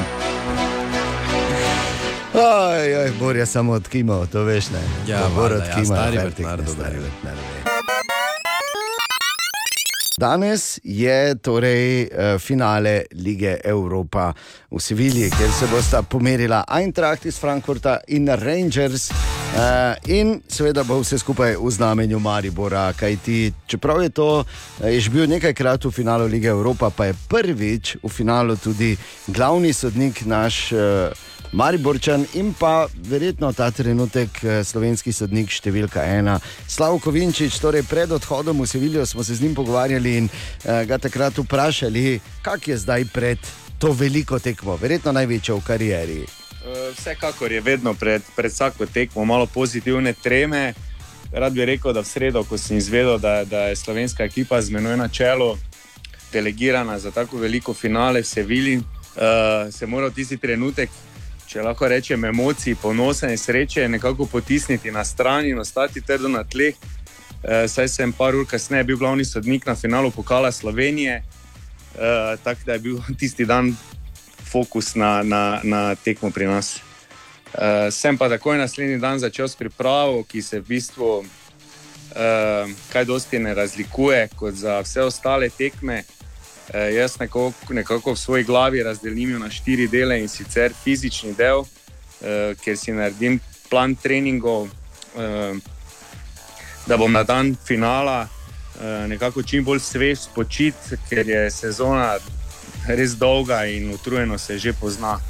Eh, drugi del, mentalni, ta, je, ta se glih nanaša na, na vaše vprašanje, da nekako poskušam vse ostale obveznosti potisniti na stran in se posebej fokusirati na prihajajočo tekmo. Kako vrtim si razne situacije, klipe iz zadnjih seminarjev in tekem. Eh, in pa tretji in četrti del pa je tista prav priprava na samo tekmo in pa sodelovanje z, z pomočniki, da preučimo stil igre obeh ekip eh, do potankosti.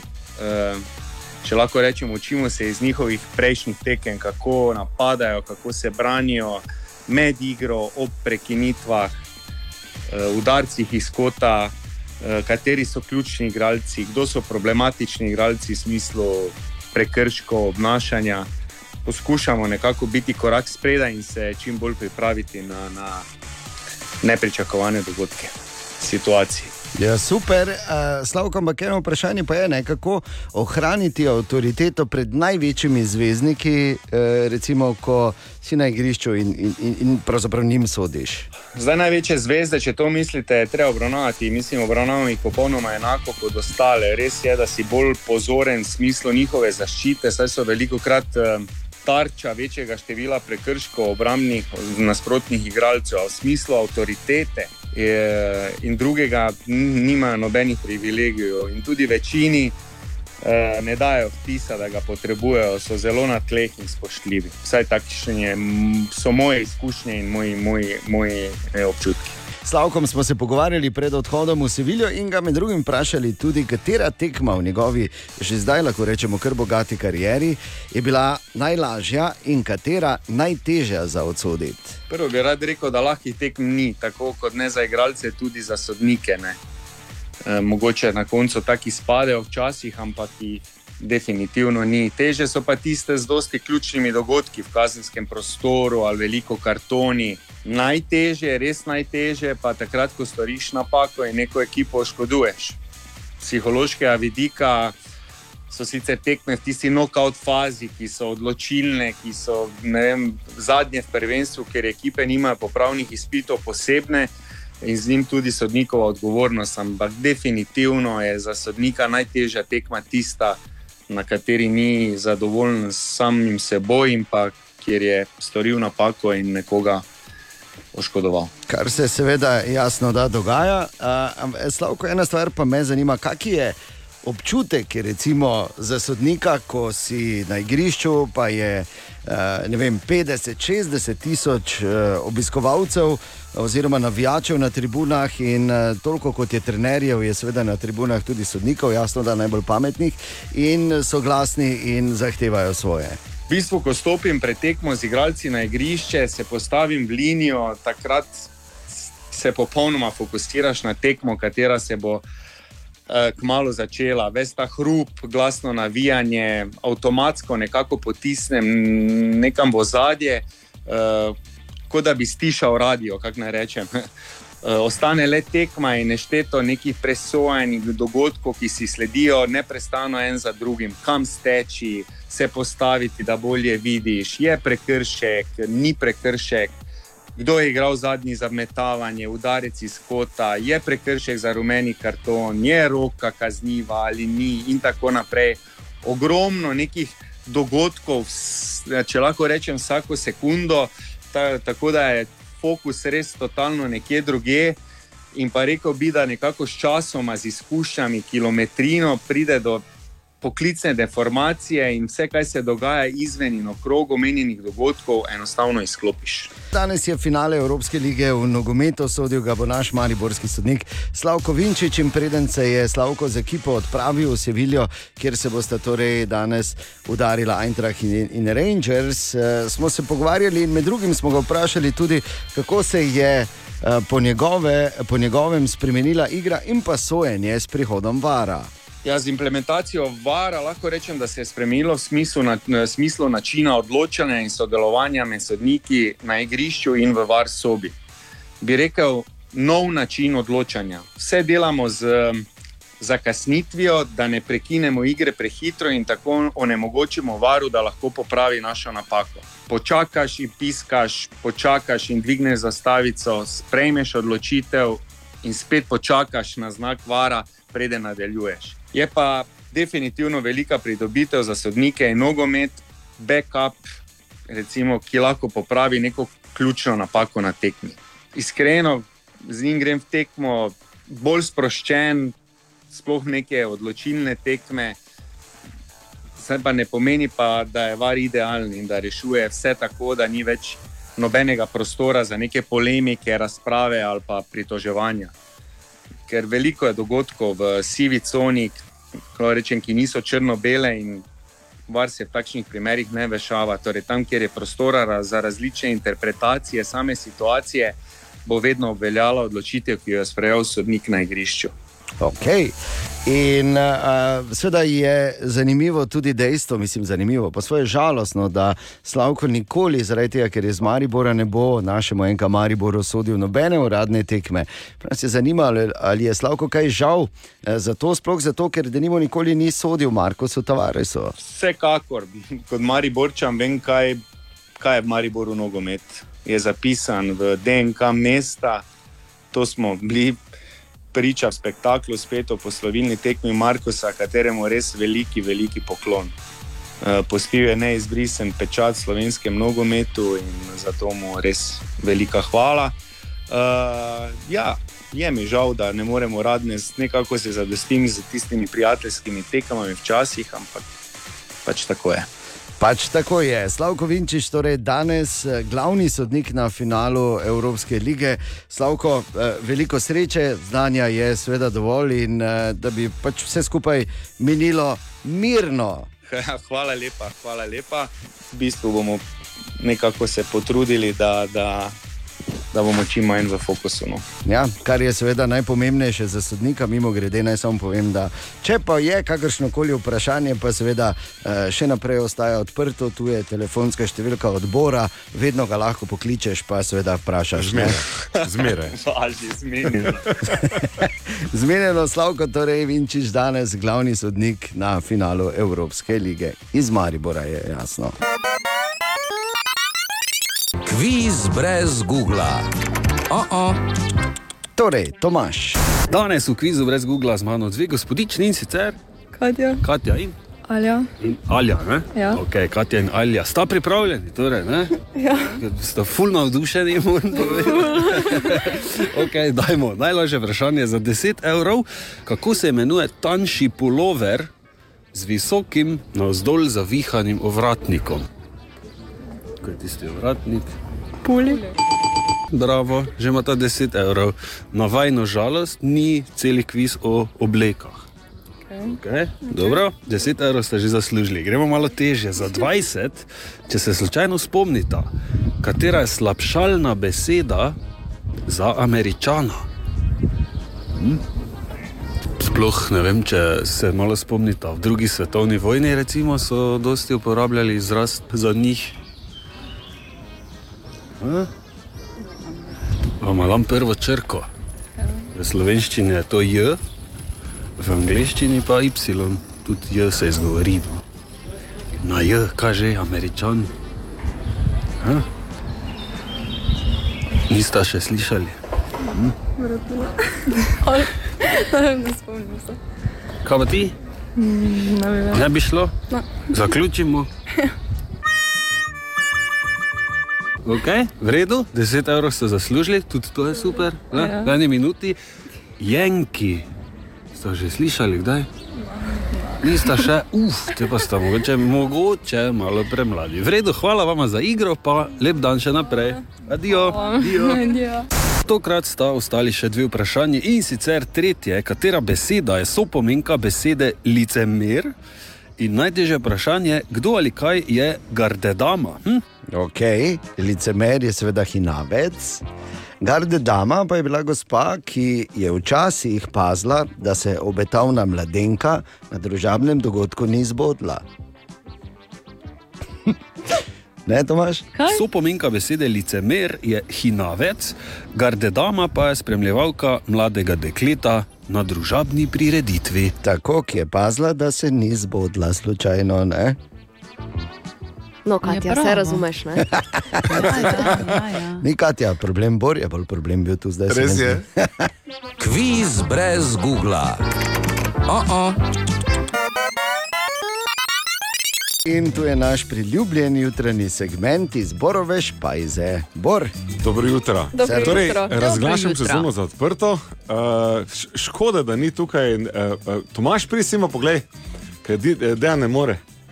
Vidiš? Kaj ima na tikače? Tako. Fuj. Šlapi so. Ne hujše, Japonke. Ja. Kratke hlače in japonke. Glej me, Glejte. Pa glih danes, Prej, ko se začnemo 22. obnašati, kot da je poletje, prej bo res poletje, ker pomlad smo tako preskočili, ker je bila zima. Nehajte kozlati, no, nekdo mora povesti, ne? In gremo vsi v kolo z japonkami. Bor, jaz ne vem, nekaj samo že včeraj imela gor. In danes me bolijo Ker jajčniki. še huje, ja, evo, viš, to je amp, tako da jutri se pripravi, da te bo jajčniki boleli. In kar je drugo, kavbojke ima pa japonke. Ne, to so kratke hlače. Kratke hlače so. Ja. Ja, veš, jaz te instinktivno te ne gledam niže od vrata. Če ima kdo danes zjutraj kakšno pritožbo, verjetno jih ni malo. Ne? Veš, vedno imamo pritožbe. Bolj kot se pritožujemo, boljše nam gre, to si moraš zapomniti. Ja, ampak je pa ena druga stvar. Naj te odpeljem 242 let nazaj. Okay. Torej na 19. maj leta 1780, takrat se je na severovzhodnem delu Združenih držav Amerike, v, na področju, ki ga danes imenujejo New England, moramo vedeti, Amerika takrat. Uh, še bila relativno mala država, ne? oziroma mlada država, pardon, ne mala, mlada. In na današnji dan se zgodi nekaj, kar si ljudje niso znali razložiti. Namreč jutro se je začelo dokaj normalno, potem pa se je naenkrat stemnilo. Ljudje so začeli, oziroma jeli prižigati sveče in moliti, kajti tema, ki se je spustila nad eh, celotno področje Nove Anglije, je bila pač težko razložljiva. In jasno, v tistih časih, ko znanost še ni bila tako napredna, če lahko tako rečem, so ljudje seveda se takoj obrnili k biblijskim zapisom, se začeli bati, da je dejansko prišel tako imenovani Second Coming, oziroma sodni dan, kot temu rečemo, oziroma Armagedon, da se dogaja in da je pač to zdaj to. Poredni grejo dol, pridni ne, pa bodo rajali v raju. Mimo grede, raj se reče zato, ker se raja. Aha. Če kdo ni vedel. Wow. Pardon, ne, ampak to je čisto res bilo. Ne? In ja. seveda je trajalo uh, skoraj cel dan, ampak uh, uh, potem pa naenkrat, la, la, la, kot da nič ni bilo. In zakaj je zdaj bila ta tema in zakaj je trajala tako? Dejstvo je, da ni šlo za noben sončni mrk, oziroma sončev mrk, kajti uh, ti so kar dobro beleženi skozi zgodovino, oziroma se jih da uh, z lahkoto zračunati za nazaj, zato ker se pač periodično ponavljajo zaradi konstelacije planetov. Takrat ni bilo sončevega mrka. Uh, niti ni bilo nobenega zabeleženega, ker takrat smo že beležili, oziroma so ljudje beležili, recimo tudi večje vulkanske izbruhe in tako naprej. Spomnimo se, ne, par let nazaj, ko je na Islandiji vsekal tisti vulkan, pa v celi Evropi, oziroma po celi Evropi, niso mogla leteti letala. Ne, in vulkanski pepel lahko tudi poskrbi za temačno vzdušje, ampak tudi to ni bilo. Dejansko so ugotovili, da je po vsej verjetnosti šlo za večji uh, gozdni požar, uh, oddaljen verjetno par sto km. In dim iz takega večjega gozdnega požara seveda lahko zatemni sonce tudi sredi belega dne. Ob dejstvu, da recimo takrat nase, naselbine niso segale več kot kakih 100 km v notranjost, lahko rečemo, da so ob koncu 18. stoletja v Ameriki živeli v dokaj nepoznani in neraziskani deželi, tako da če je notri gorelo, ne, oni niso mogli vedeti, niti niso poznali. Tako da, mislim, lahko pa da je bilo kaj tretjega. Bor, ti se še spomniš? Ne, sem pa zdaj absolutno prestrašen po toj zgodbi. No, tako. Gledam za okoli, ki se mi bo ne bo stemnilo, da od znotraj nekaj. Ne, kaj, Ja. Kje? Da lahko prižgeš svečo in moliš in se kesaš za svoje grehe, ker veš, da te rogatec čaka. Pa ne mislim kraja zdaj. Web, web, web, web check. Katja, dobro jutro. Dobro jutro. Torej, Kavarna v Firencah bo morala plačati glo globo in sicer 1000 evrov, zato ker jim je gost poklical policijo, ker je plačal preveč za brezkofeinski espresso. A to tako gre, ali Ne kako? morem verjeti, to je kolikokrat je že koga prijelo, ko je tako dobo, mislim, ali pa da je, jaz vem, da sem to rekel že x krat, ko greš kje pa dobiš račun, pa rečeš, ker naročuješ, pa z nem policije Kaj poklical. smo Ne? jedli, kaj ne? ne, da ne policije poklical, to je Ampak- tu treba. Ne, da bi bi res bila jedli. tako visoka cena, ne? ta espresso je stal 2 evra. Ja, A, ja no, evro na evro, se veš. Ja, ampak kaj? Ja. Oni bodo zdaj plačali 1000 evrov kazni. On si je zračunal, koliko je v vseh teh letih eh, z plačevanjem davkov plačal policiji, pa je hotel pač malo nazaj ven dvigniti. ne. Okay. Uh, potem recimo Carmen Electra se je pri svojih 50 letih odločila, da se bo pridružila platformi OnlyFans. Ja. To ni nič nenavadnega za njo, ker vemo, da že celo življenje služi s telesom. Ja, pa vseeno, no. Pa, Zdaj hočeš reči, da mi, ki smo 50 ali blizu, bor, Ne, primi me, bor, ne. primi ma, primi ma Niti drug drugega. približno, Da nismo več za to. Jaz sem na OnlyFans že najmanj sedem let. Da nismo več za nič, mi okoli 50, to zdaj hočeš Ne. povedati. Ampak se mi zdi, da degradira, Primi me, degradira to njeno osebnost, glede na pač vse skupaj. No. No, vse, dajmo, ne, neke osebnosti ni bilo izražene skozi njeno delo v karieri, pa če mi jo imamo. Ne. Bor, primi me še enkrat. Repete, te ne. Pa, daj, no. Zakaj imamo skozi napačne? Eh, okay, gremo dalje, prosim. Uh, očitno imamo teden v znamenju astrologije. Danes vam namreč razkrivam tri znamenja horoskopa, ki jih nikakor ne želite imeti za tašče. Ok. To so ženske rojene v znamenju strelca, kozoroga in pa leva. Ah, jaz sem, Okej. jaz na varni Ja. strani. Varni smo. Bor? ne veš, ne. Web check. Ena od treh, treh, treh. Jutranji sprehod po zgodovini popularne glasbe. In danes svoj 30. rojstni dan praznuje britanski pevec Sam Smith. Uh. Sam Smith eh, je star 30, evo, vidiš, lahko ga pokličete, pa vprašate, Kak kako je, je. Par mesecev prej, hvala, Drugo leto bo tu. Uh, En, dva, jaz imam tri. še. Pf, Ti še imaš dosti, ja, v redu je.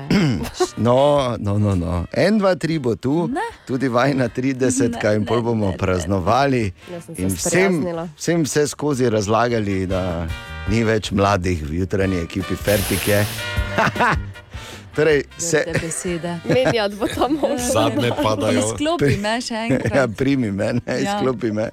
Sam Smith pa je star 30, Sam Smith, ki je uh, v bistvu s svojim prav posebnim vokalom, no, v, tako bomo rekli, v zadnjem desetletju, izjemno, izjemno uspešen. Uh, pravzaprav ne le v Evropi, ampak uh, povsod po svetu, zahvaljujoč hitom, kot, so, Dime, kot je recimo diamonds with you. Never gonna hear my heart break. Never gonna move the dark ways. Baby, you're so cruel. My diamonds stay with you. Dancing with a Stranger.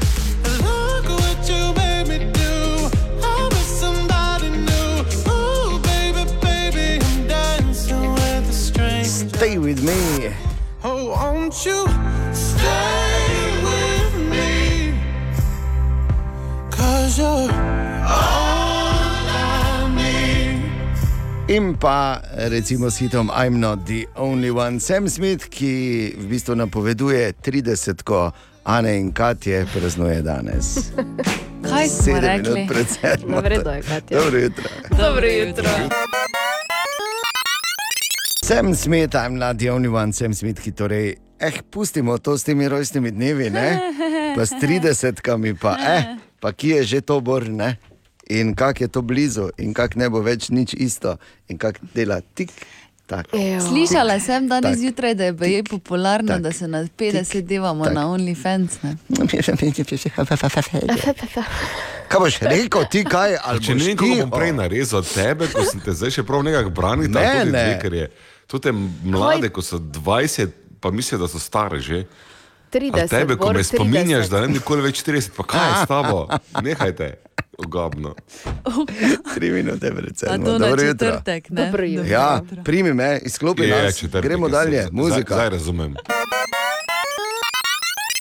Franci, en, dva, tri. Gol, draj, gol, drajek, klicaj. Ne, v bistvu je 1, 2, 3, 4, 5, če kar. Dobro, evo. 1, 2, 3, 4, 5, 6, 7, 8, 9. Klicaj lojtara. Uh. Oh, pa s- Zahtevna, tako zahtevna gesla. Ampak kmalo, mislim, bomo končno zgleda lahko brez gesel šli skozi življenje. Bor, ti si to raziskoval. Ja, tak je nekako pot. Ne? Najprej smo imeli enostavna gesla, kot je mama 72 ali pa kot Katja 1, 2, 3, 4, 5 in povedala še 6, 7, da bi bila varna. Ampak ti časi, ko so Hvala, taka da si ponovil bila- za nama, zdaj res hvala Ja, ti. Ampak taka gesla, oziroma časi, ko so taka gesla bila varna, so že davno mimo. Tudi časi, ko so se gesla, ki si jih ti omenjal, zdela varna in so bila shranjena v oblaku, pa tudi počasi že izginjajo. Gesla so osnova, razlaga docent dr. Marko Hilbel z Fakultete za elektrotehniko, računalništvo in informatiko Univerze v Mariboru, ampak za voglom je življenje z drugačnimi gesli. Overjanje ali preverjanje pristnosti uporabnika je osnova vsakega varnostnega mehanizma. V ta namen se običajno uporabljajo gesla, ki pa so, kot vemo, najšipkejši člen zaščite. Brezgeselno overjanje, oziroma po angliško passwordless authentication, ki ga razvijajo in tudi že upeljujejo v izdelke velika IT podjetja, kot so naprimer Google, Microsoft ali Apple, želijo odpraviti gesla popolnoma, tako da za namen preverjanja pristnosti uporablja nekaj drugega, kot naprimer mobilni telefon ali pa namenske naprave v obliki ključkov, naprimer Jubico. Aha, ok, ne? ampak kako daleč pa smo od tega, da gesla lahko pozabimo? Google že ima mehanizem, pravi docent dr. Marko Helbel, in smo korak od tega, da standardizacija in dogovor med podjetji pomeni tudi v praksi adijo to, da si zapomniš gesla. Če je na voljo v napravi tudi biometrični čitalec, se pravi čitalec prstnega odtisa ali skeniranja obraza, se ga lahko v ta namen uporablja, se pravi, da se uporablja za brezgeselno overjanje. Google je omenjen mehanizem tudi že testiral med svojimi zaposlenimi in se je izkazal kot zelo uspešen. In zdaj želijo ta mehanizem razširiti tudi med običajnimi uporabniki. Da bi pa ta postopek pohitrili, so se velika podjetja povezala skupaj in se dogovorila, da bodo stvar standardizirala, kar pomeni, da bo možno uporabljati te mehanizme tudi med različnimi ponudniki telefonov ali pa spletnih strani in podobno. Nastala sta dva standarda, tako imenovani FIDO2 in WebAutoN, in tako se lahko zdaj v prihodnosti obetamo, da bodo omenjena brezgeselna načini overjanja eh, nadomestili gesla, eh, vendar verjetno bodo pa slednja, se pravi gesla, ostala še vsaj še nekaj časa med nami. Zakaj? Eh, Preprosto zato, ker da lahko ponoviš to, kar je docent dr. Helbel povedal, te dva standarda, pa se odločiš za enega. Fido pa, recimo, na sela. Ja, ne. Niso to ti standardi, poznam, ja. Okay. Meni se Fido zdi bližje, ne, ne Ja, vem. Pač, hele. No, bomo videli. V vsakem primeru lepo je, da se o tem že vsaj zares pogovarjamo. Želimo dobro jutro. Dobro Dobro jutro. jutro. Dobro jutro. In gremo direktno noter. Bolj kot je vroče, bolj se filajo bazeni, večja je poraba vode, ali bomo žejni, ker to se z leta v leto veča. In da ne bi nekaj špekta, špe, špektak, spektakulirali. Spektakulirali. Ja, da ne bi nekaj špekulirali, smo poklicali kar, bi rekli, k izviru na nek način. Direktorja Mariborskega vodovoda Mirana Juga in ga vprašali, ali je v našem mestu težava s pretirano porabo vode zaradi številnih lokalnih intimnih kopališč. Na srečo v Mariboru, pravzaprav na območju, kjer pokriva Mariborski vodovod vodoskrbo, nismo zaznali teh eh, problemov. V samem mestu ta problem s polnjenjem bazenov sploh ni prisoten.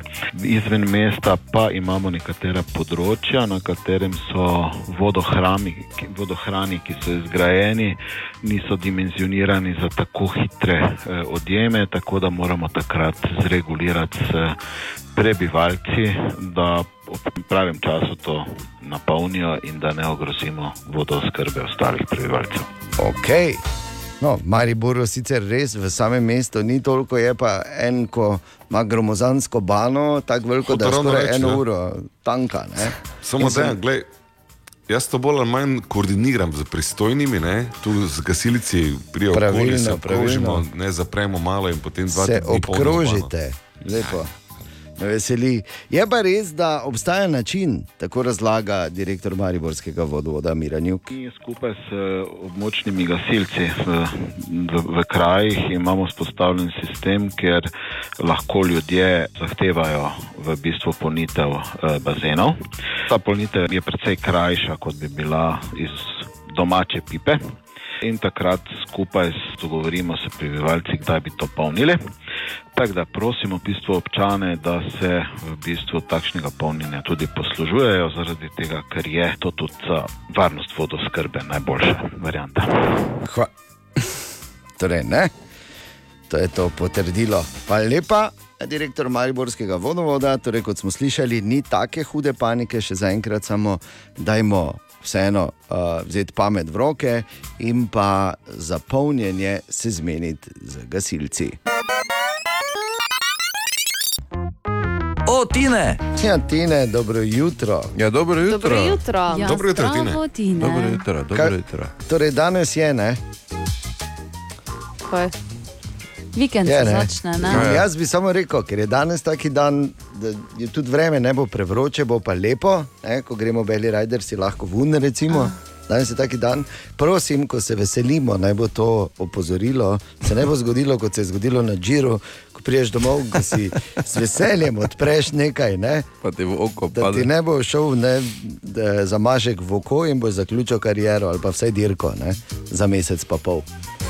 Tako da ja. Veselje, tudi veselice, treba znati. Ne? Res je.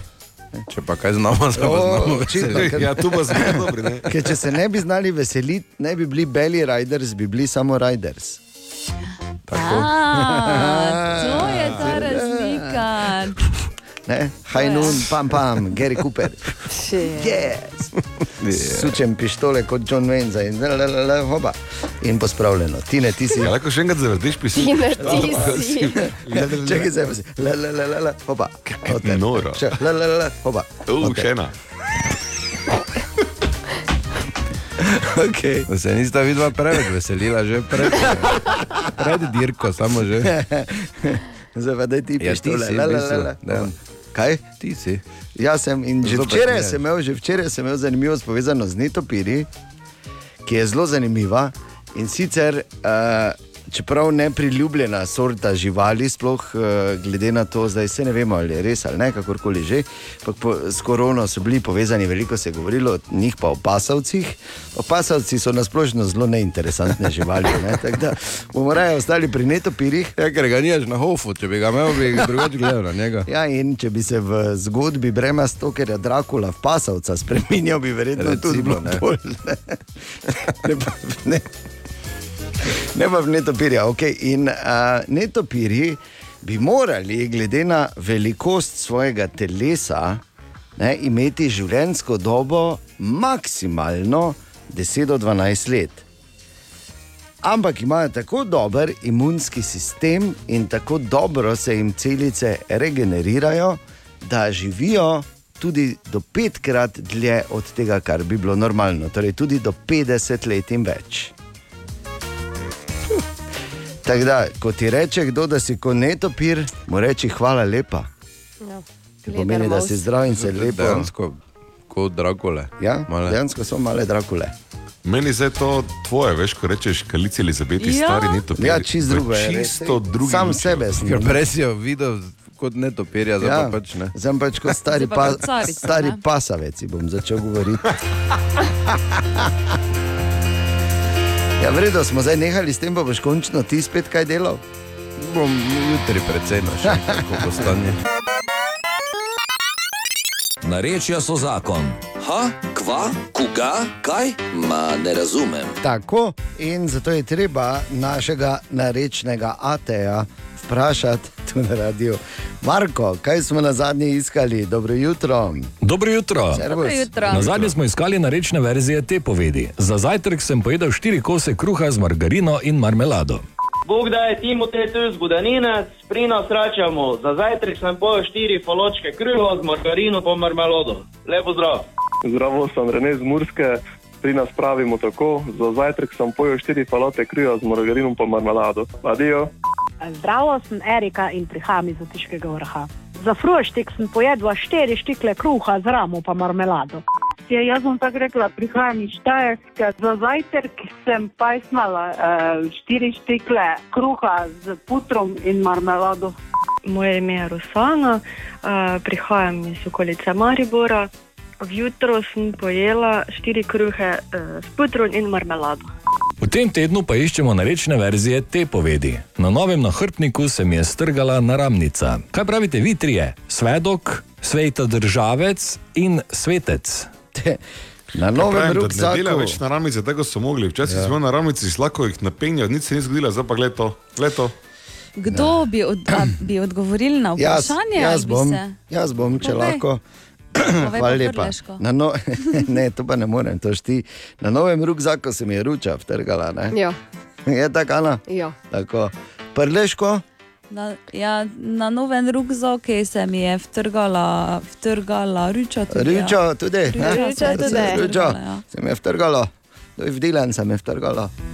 Čistar v kraju. Tako da, ja, nareča se zakon, zanima nas, kako ta stavek eh, zveni tudi v tvojem narečju. Tako da, prosim, družbeno mrežo Servis 211, sicer pa Marko, na koncu si nas spet obkladal z nekimi imeni, s katerimi. Svedok je priča, sveta državec je gospodovalec, svetec pa je svetnik ali pa kristjan v prvih časih krščanstva. Oh, Oziroma, zadnje sem jaz. Kaj, seveda. In Borko je bil mali, ampak on za res. Ha, koga? Ma ne razumem. Narečja so zakon. Odprtih oči skozi mesto. Jaša Lorenčič, Mariborske. Dobro jutro, Jaša, kaj si tokrat opazil? Zdravo. Jutro. Če kaj, pa je zdaj v mestu gužva. Sploh v mestu, mestu, kar je v osnovi super, itak. Ampak ne govorim o tem, da lahko greste jutri v Mariboru na približno 17 koncertov. Ne, mislim, ja, idite, izbire je, da prek teče, ajmo. Ampak govorim bolj o tisti klasični gužvi. Ferker v peš coni. So termini, ko smo en na pot mimo drug na drugem. Sploh, če imaš recimo pecikl z bremzo, ki recimo temu komaj dela.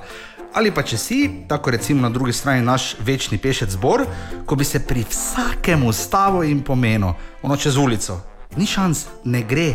Boljše, da se naprej naročite za vogal, kaj pa vem, gospodske in Jurčičeve, četrtek, četrt na dve, samo bolj pri zidu, ker bo tam bolj varno. Ker ferker je, vse vemo. Najprej smo imeli eno dostavo na peciklih z rdečimi nahrbtniki, ki so se potem pobarvali v rumene. Pol je prišla konkurenca z modrimi. In vmes, sploh ko je tako lepo vreme, so se poleg vseh klasičnih kolesarjev še pojavili eskiroji, da seveda skuterjev z mozolje ne omenjamo. Pa vse dostave, pa, ja, itak, še ti pecikli, ko si ga ponovem zdaj sposodiš, mislim z aplikacijo, ne s kombinirkami. Samo glavna finta v tej dajhard situaciji pa je druge. Da ko sam recimo naročiš dostavo, gledaš, kje je Švica, oni majster z nahrbtnikom. Pa mu pol še rečeš, da kak to, da se je z tabora v center vozil ali pa iz pobrežja na študence ali kamorkoli. Meni je sicer malo to zalezovalsko in čudaško, ampak še bolj noro pa je, da ga lažje vidim, kje je na telefonu, kot pa z vlastnimi očmi na ulici. Ker da bi se kdo gibal kolesaro premiko s hitrostjo pešca, kot pravi odlog, ja pa ja. Pa mi je rekel mojster na tem dostava bajku, no se še dobro, da ste gledali v aplikacijo. Pa ga vprašam, zakaj pa? Ja, ker ne ažnjarite, zakaj me še ni pa, da boste spet imeli hladno? Ja, samo Maribor. Tu je naš priljubljen jutranji segment izborove špajze. Tako, dobrodošli, dragi Zdrav, delavci, sodelavci in sodelavke. Ah, Čas je, da se pogovorimo o delovni etiki. Ja, ja. Tako se začnejo Ja, ja, grozni zapuščamo. pogovori v podjetju. Ampak ne, ne mislim generalno. Vemo, Slovenci smo veljali v Jugoslaviji, tudi v Evropi veljamo za pridne in delovne ljudi. Če bi v prihodnih par letih še rešili plačilno nedisciplino, to je ono, ko daš nekomu račun 20. septembra, pa potem te januarja vprašaš, či že mora plačati. Ne? Ja, tu neki smo še vedno. Če že to rešimo, smo mi na konju. Ne, govorim o druge vrste etiki. Dejan bo vedel, ker je recimo se mi zdi, da je svetovni prvak v tem, da on je vedno, ne glede na to, če je sneg, dež, poledica, eh, zmrzal, eh, viharji, on je vedno tu in vedno performira. Nismo pa vsi taki. Ne? Ne, si moramo to Oh, hvala, si me dal za primer. No? Ja, ne, mislim, ti si svetav primer tega, da pa vedno Svetav. ne greš gor. Pumf, ne, tako gre. Ampak, okej. za, ja, kaj ta pumf te je moto ali to, da Ne, te ne, hvalim? Ker vidim, da se ne počutiš ugodno. Ne, Ne, res, da je tvoja delovna etika je zmeraj konstantna in je čudovita. Ampak mi ostali navadni smrtniki smo pa tak, ne, zima je. Zdaj je premrzlo, da bi delal, ne?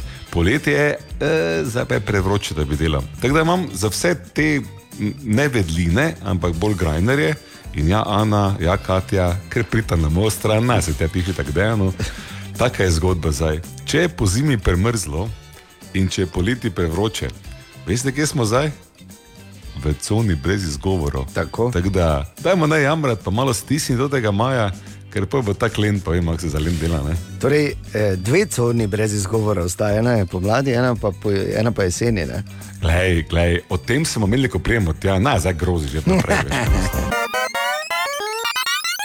Želimo dobro jutro. Dobro jutro. Ja, kaj pa, ko se malo obrneš, pa je že petek. Ja, hvala Bogu. Ne, da. Pa hvala Bogu, kaj Ja. ja. ste se zmenili zdaj? Na, Ne. tri, na tri, štiri je bilo.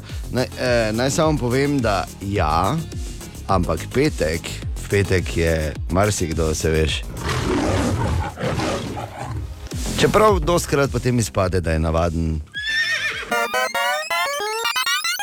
Danes je 20. maj, naj vas popeljem po aleji spominov.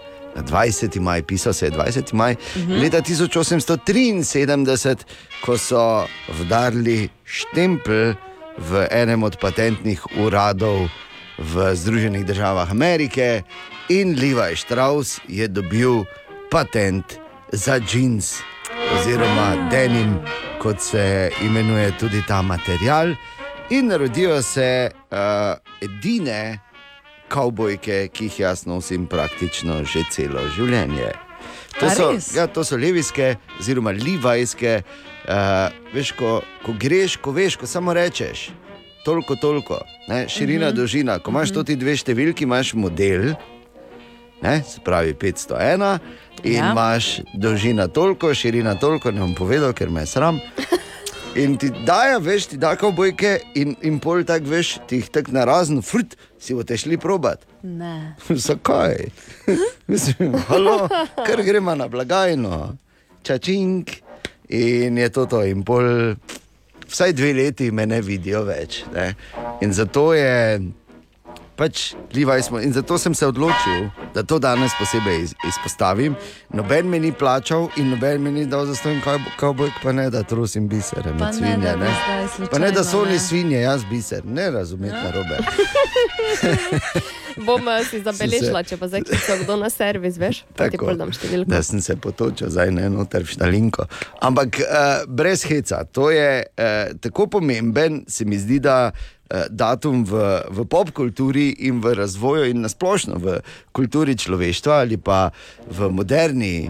V moderni kulturi, da enostavno moramo omeniti. Ne na zadnje, naj samo spomnim na vse te številne izjemne eh, televizijske reklame skozi desetletja, ki so jih imeli, in izjemno muziko, ki so jo uporabljali v teh reklamah, eh, potem so postale kultne. Sicer v zadnjih, recimo, desetih, 15 letih to več ni tako izrazito, kot je bilo denimo v 70-ih, 80-ih in predvsem v 90-ih. Meni je bila najbolj kul cool tista, veš, ker levijske imajo tu en žepek ne, Mhm. na desni strani. Mhm. Ta žepek je originalno seveda bil za žepno uro, ne, ker včasih so nosili tiste žepne ure, ki so bile s ketnico Ja. povezane ne, in si hop, vem, pogled, klik, koliko je ura, a glej, še imamo čas, ho, ho, pridi sem, veš in si dal nazaj.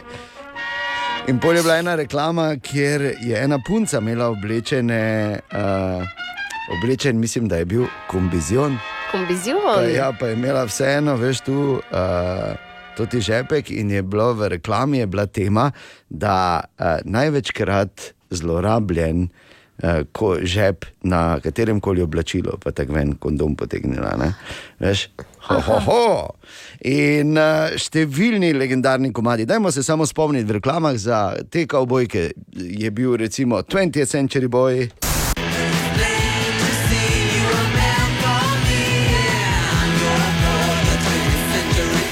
Direkt vidim to reklamo, ko se spomnim. Ali pa da nimo tudi CCR-ji so bili.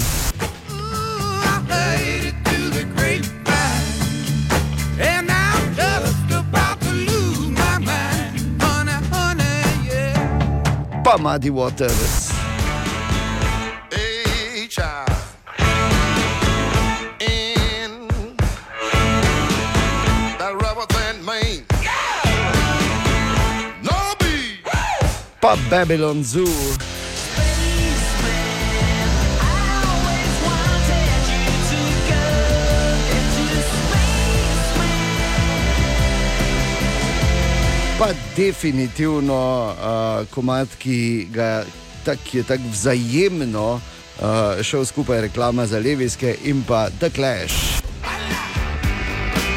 Darling, you got to let me know. Should I stay or should I go? V reklami za Levijske so bili tudi The Bellamy Brothers. Just let Pa na vsaki veselici, ne? Ja. Pa Benny King, da nimo tudi.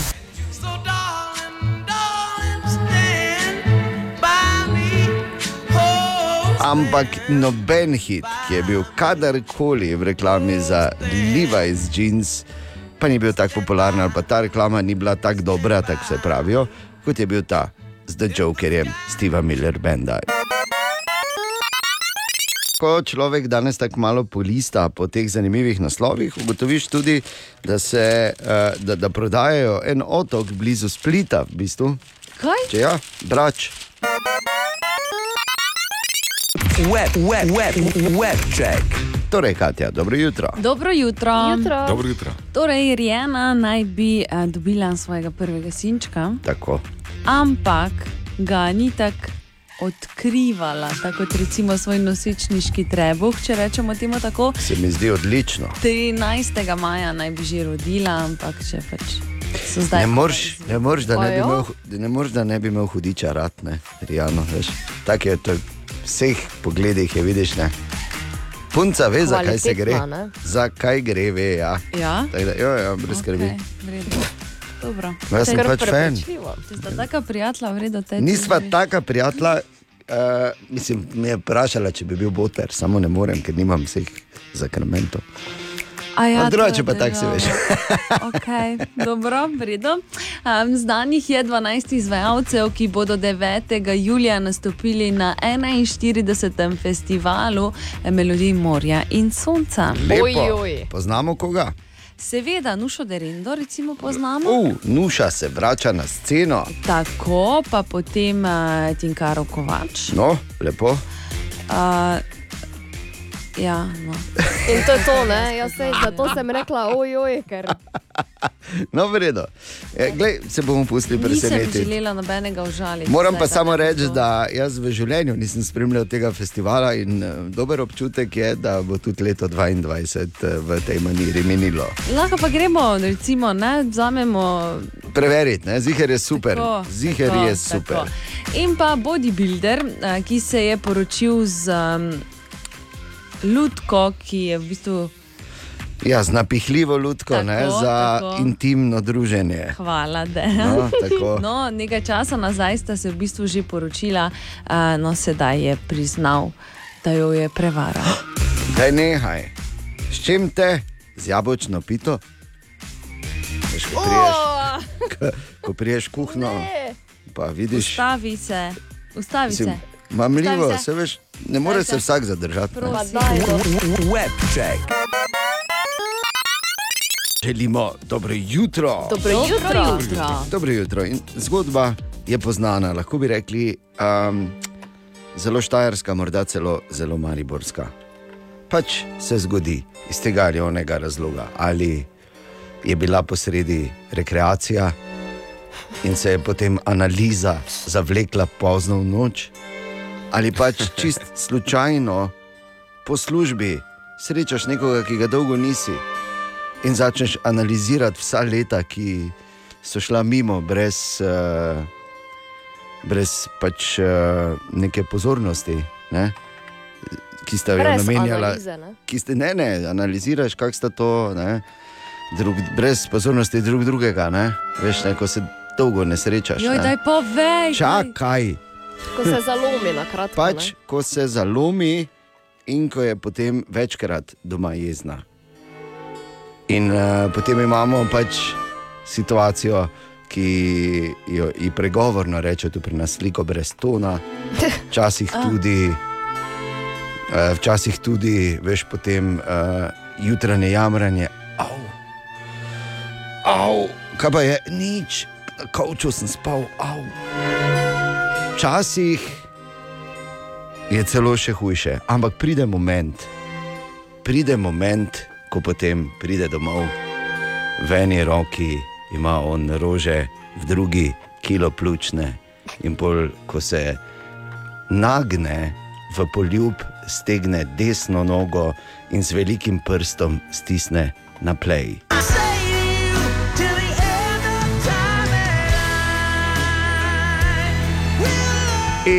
Spet je vse v redu, ni tako, ni tako. Če Ja. si mogoče prav ta moment z rožami in pljučno. Veliko sreče. Naj bom jaz tvoj veliki prst na nogi in stisnem play. August Demšar in njegov inšpektor Vrenko. To je še ena od teh zgodb, na katere smo, en- še eden od teh pisateljev, umetnikov in še ena od teh zgodb, smo, na katere smo v našem mestu zelo ponosni. In Vrenko je seveda našel tudi pot na male ekrane. Pustimo zdaj to, da ima eno lepotno napako, ne? da je Mariborčan, pa ne govori Mariborsko, ampak pustimo. Ne? Izbrali so super igralca, uh, Darijo Varga je res izjemen, sicer, ne, da ne bo kdo narobe, kakorkoli razumel. Mene kupo že, ko je bil lepec v petelinjem zajtrku. Ampak uh, torej, uh, včeraj so snemali, ker poteka snemanje za novo sezono v našem mestu trenutno, in v Dravski ulici jih je vlovil David, ki je šel ravno mimo in recimo vprašal, uh, najprej govoril s producentko Barbaro Daljevec, ki je tako povedala. Dobro, torej nahajamo se v Dravski ulici uh, na Lentu in uh, z mano je producentka, ki je bo zdaj povedala nekaj zanimivosti tej novi sezoni, kaj lahko pričakujemo. Ne? Ja, v novi sezoni uh, bomo ponovno ekranizirali tri romane Augusta Demšarja, uh, Obsedenosti, Evropa in Hotela Brazija. Uh, posebnost sezone pa je, da poleg Maribora naš inšpektor Vrenko rešuje primere tudi v Prekmorju. Tako, če lahko povemo, gospod Gole, Gora Žilavec igra ne, inšpektorja v Prekmorju. Tako v Prekmorju se mu pri, pridruži uh, prekmorski inšpektor Hovra. Aha. In uh, kdaj lahko pričakujemo to na ekranih? Uh, nadaljevanka bo premjerno prikazana uh, januarja 2023, kmalo pomeni. Tako. In uh, seveda smo veseli tudi za našega prijatelja Gorazda, ki je končno dobil sebi, sebi primerno porabsko vlogo. Uh, je pa uh, včeraj uh, tam pred mikrofonom imel torej minutko tudi časa, da se je z Davidom pogovoril, tudi sam Vrenko oziroma Darjo Varga. Uh, kaj ste zdaj ravno tu posneli, kaj, kaj ta prizor prikazuje? Uh, v tej uh, seriji nastopa en nov lik, Oto Klošar, s katerim uh, Vrenko naveže en tak pristen odnos. Uh, On je en tak pogled uh, od zunaj, en nekak nek modrec, ki vrenka tu pa tam opozarja na neke finese v primerih in vrenko se od njega uči. Drugače sta prijatelja z otom. Tako. In zdaj, ko ste sredi snemanja, vas bomo vas ujeli, kako se vam zdi to snemanje napram tistemu prvemu, oziroma prvi eh, sezoni? Meni se zdi eh, zelo podobno. Ne, vem, ne, ne čutim nobene razlike, ker je ista ekipa ustvarjalcev. Eh, Dobro, liki, igravci so seveda drugi. eh, To je, mislim, da jih je 60-70 igralcev. Uh, tako da potem je seveda drugače. Eh, Drugače se mi pa zdi, da so uh, še bolj zanimivi primeri, primeri kot v prvi sezoni. In evo, zelo sem vesel, zdaj smo v Mariboru, ponovno poznam že vsako ulico tukaj. Eh, Zdaj bomo šli v Mursko soboto, tam se odvija uh, drugi primer. Tako, zelo dobro se počutim v Mariboru. Verjamem, da gospoda Žilovca že poznate, no, pa se veselite mogoče snemanja še v Murski soboti z njim. Zelo, on je inšpektor, ki dela na postaji v Murski soboti. Uh, super je, ja, poznava se že zelo dolgo, uh, prekmorec je, ampak žal bom z njim moral govoriti v slovenščini, on pa z mano v prekmorščini, tako da bom imel, kar se tiče jezika, dodatne težave, ker jaz sem uh, rodom iz Murske sobote in se bom pojavil na v Murski soboti kot ljubljančan. ne vem, kako bodo ljudje reagirali, ampak evo, tak je scenarij, tako je napisano. Pa taka je Slovenija, pa raznolikost na glasu. Pa ja, pa vse to je, to je, to je odlično, to je super. Super, hvala lepa. Ja, hvala vam. In potem več nismo hoteli motiti, da ne bomo mi krivi, da bo na mesto januarja 23 eh, nova sezona prišla eh, oktobra 24. Jo. torej, Vrenko pride spet nazaj, tokrat z Žilovcem, ki igra presenetljivo, uh, torej tudi prek Murca v, v tej seriji. Pravi, pravi, da je vedno najtežje z sebe igrati, res je. Danes je petek, upam, da ne, niste. Jo, imam Niste toast. pripravljeni, lepo, Noter. super. V redu, jaz pa kane korso. Okay, skoraj ne mogoče vprašati, če se gremo kaj magdo. Bor ne, ne, ne začni sploh naštevati. Okay? Torej, Skoraj zobo bolj, ne vem, če to je v tej kategoriji, O, ampak pač je. Ne? bogi.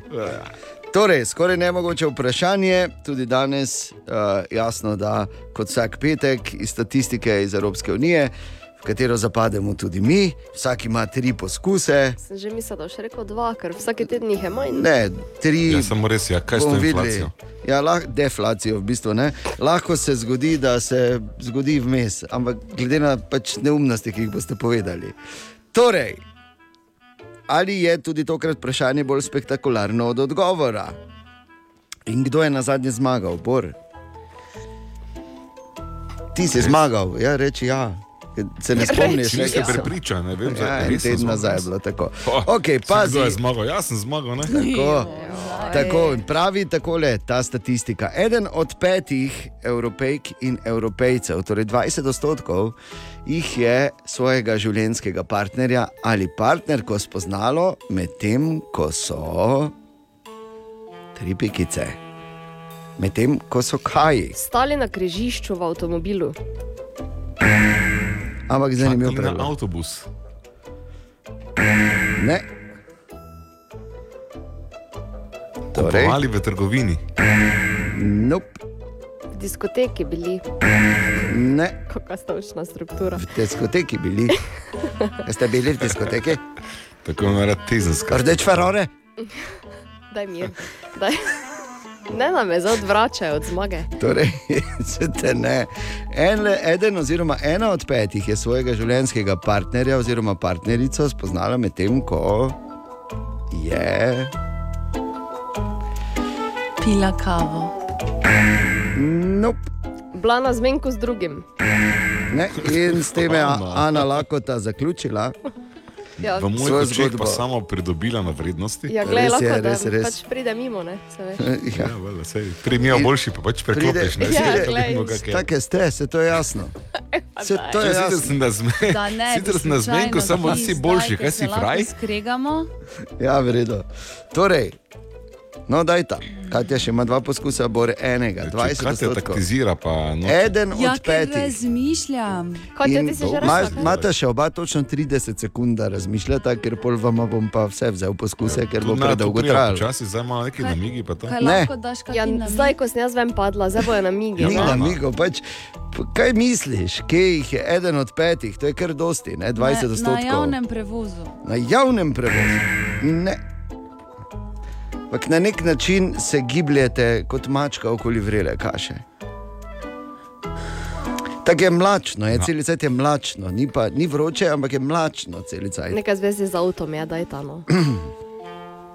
Ja Zakaj bi bilo- in ne. Zakaj bi bilo nekaj v zvezi z avtom? Okay, uh, ne. zadnji poizkus za Katijo in Bora. Imate še točno 15 sekund. Kaj lahko ne pod pritisk, prosim. Torej, samo enkrat, če povem vprašanje in pol povejte odgovor. Torej, eden ali ena od petih evropejk in evropejcev je svojega življenjskega partnerja ali partnerico spoznala, ko je tri pikice kaj?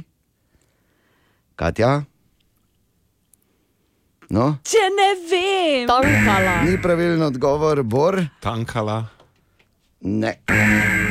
Medtem ko so potovali, O, na potovanju, Bog, pa pa, pa ne, se ne, rekel, da ste mla, na mlačnem. Še eno stvar sem prebral, eh, relativno zanimivo, ker nisem vedel, da ta rastlina sploh obstaja po vrsti. Pridem tja, kakšne velike oči me zdaj gledajo. Ja.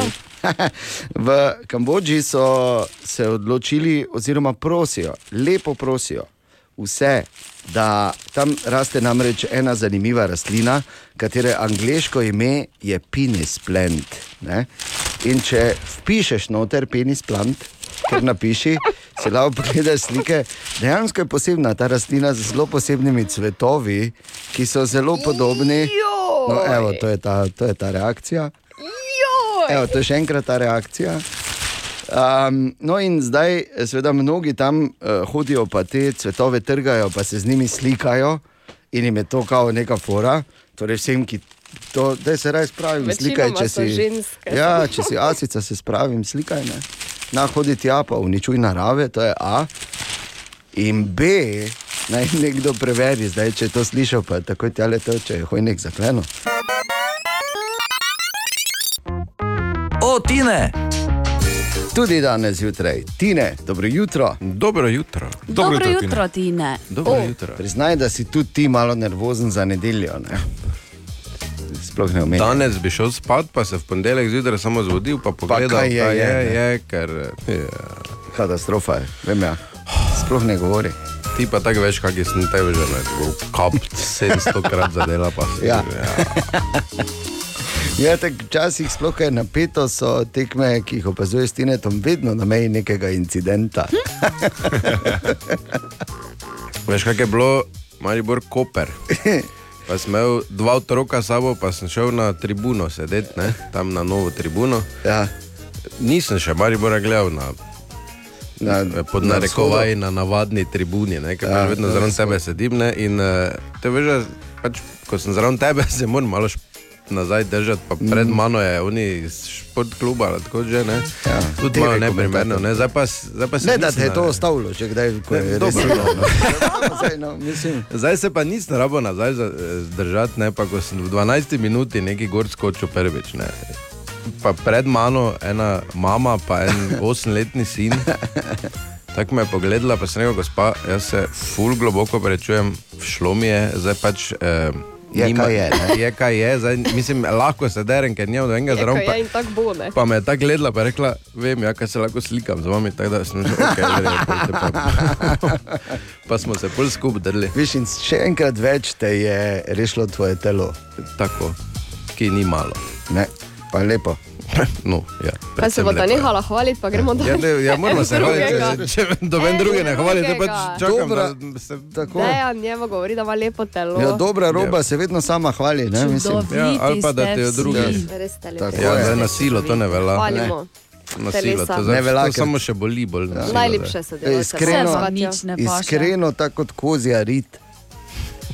To sta videla, zdaj ta vzela. Tine, kaj, a, še Ja. moramo sploh kaj dodati, razen Čakaj, da bo imam Maribor eno. šampion? E, to tako ali tako bo. Ja. Čakaj, imam eno. No. Ker so raziskave naredili in ugotovili, da 46 odstotkov eh, vprašanih je priznalo, da so že Netflix varali partnerja. Kaj je Kaj? to? Ja. Ko začnete skupaj gledati, pa rečete, da boste skupaj gledali, ja? pol pa oni nas skrivaj gleda.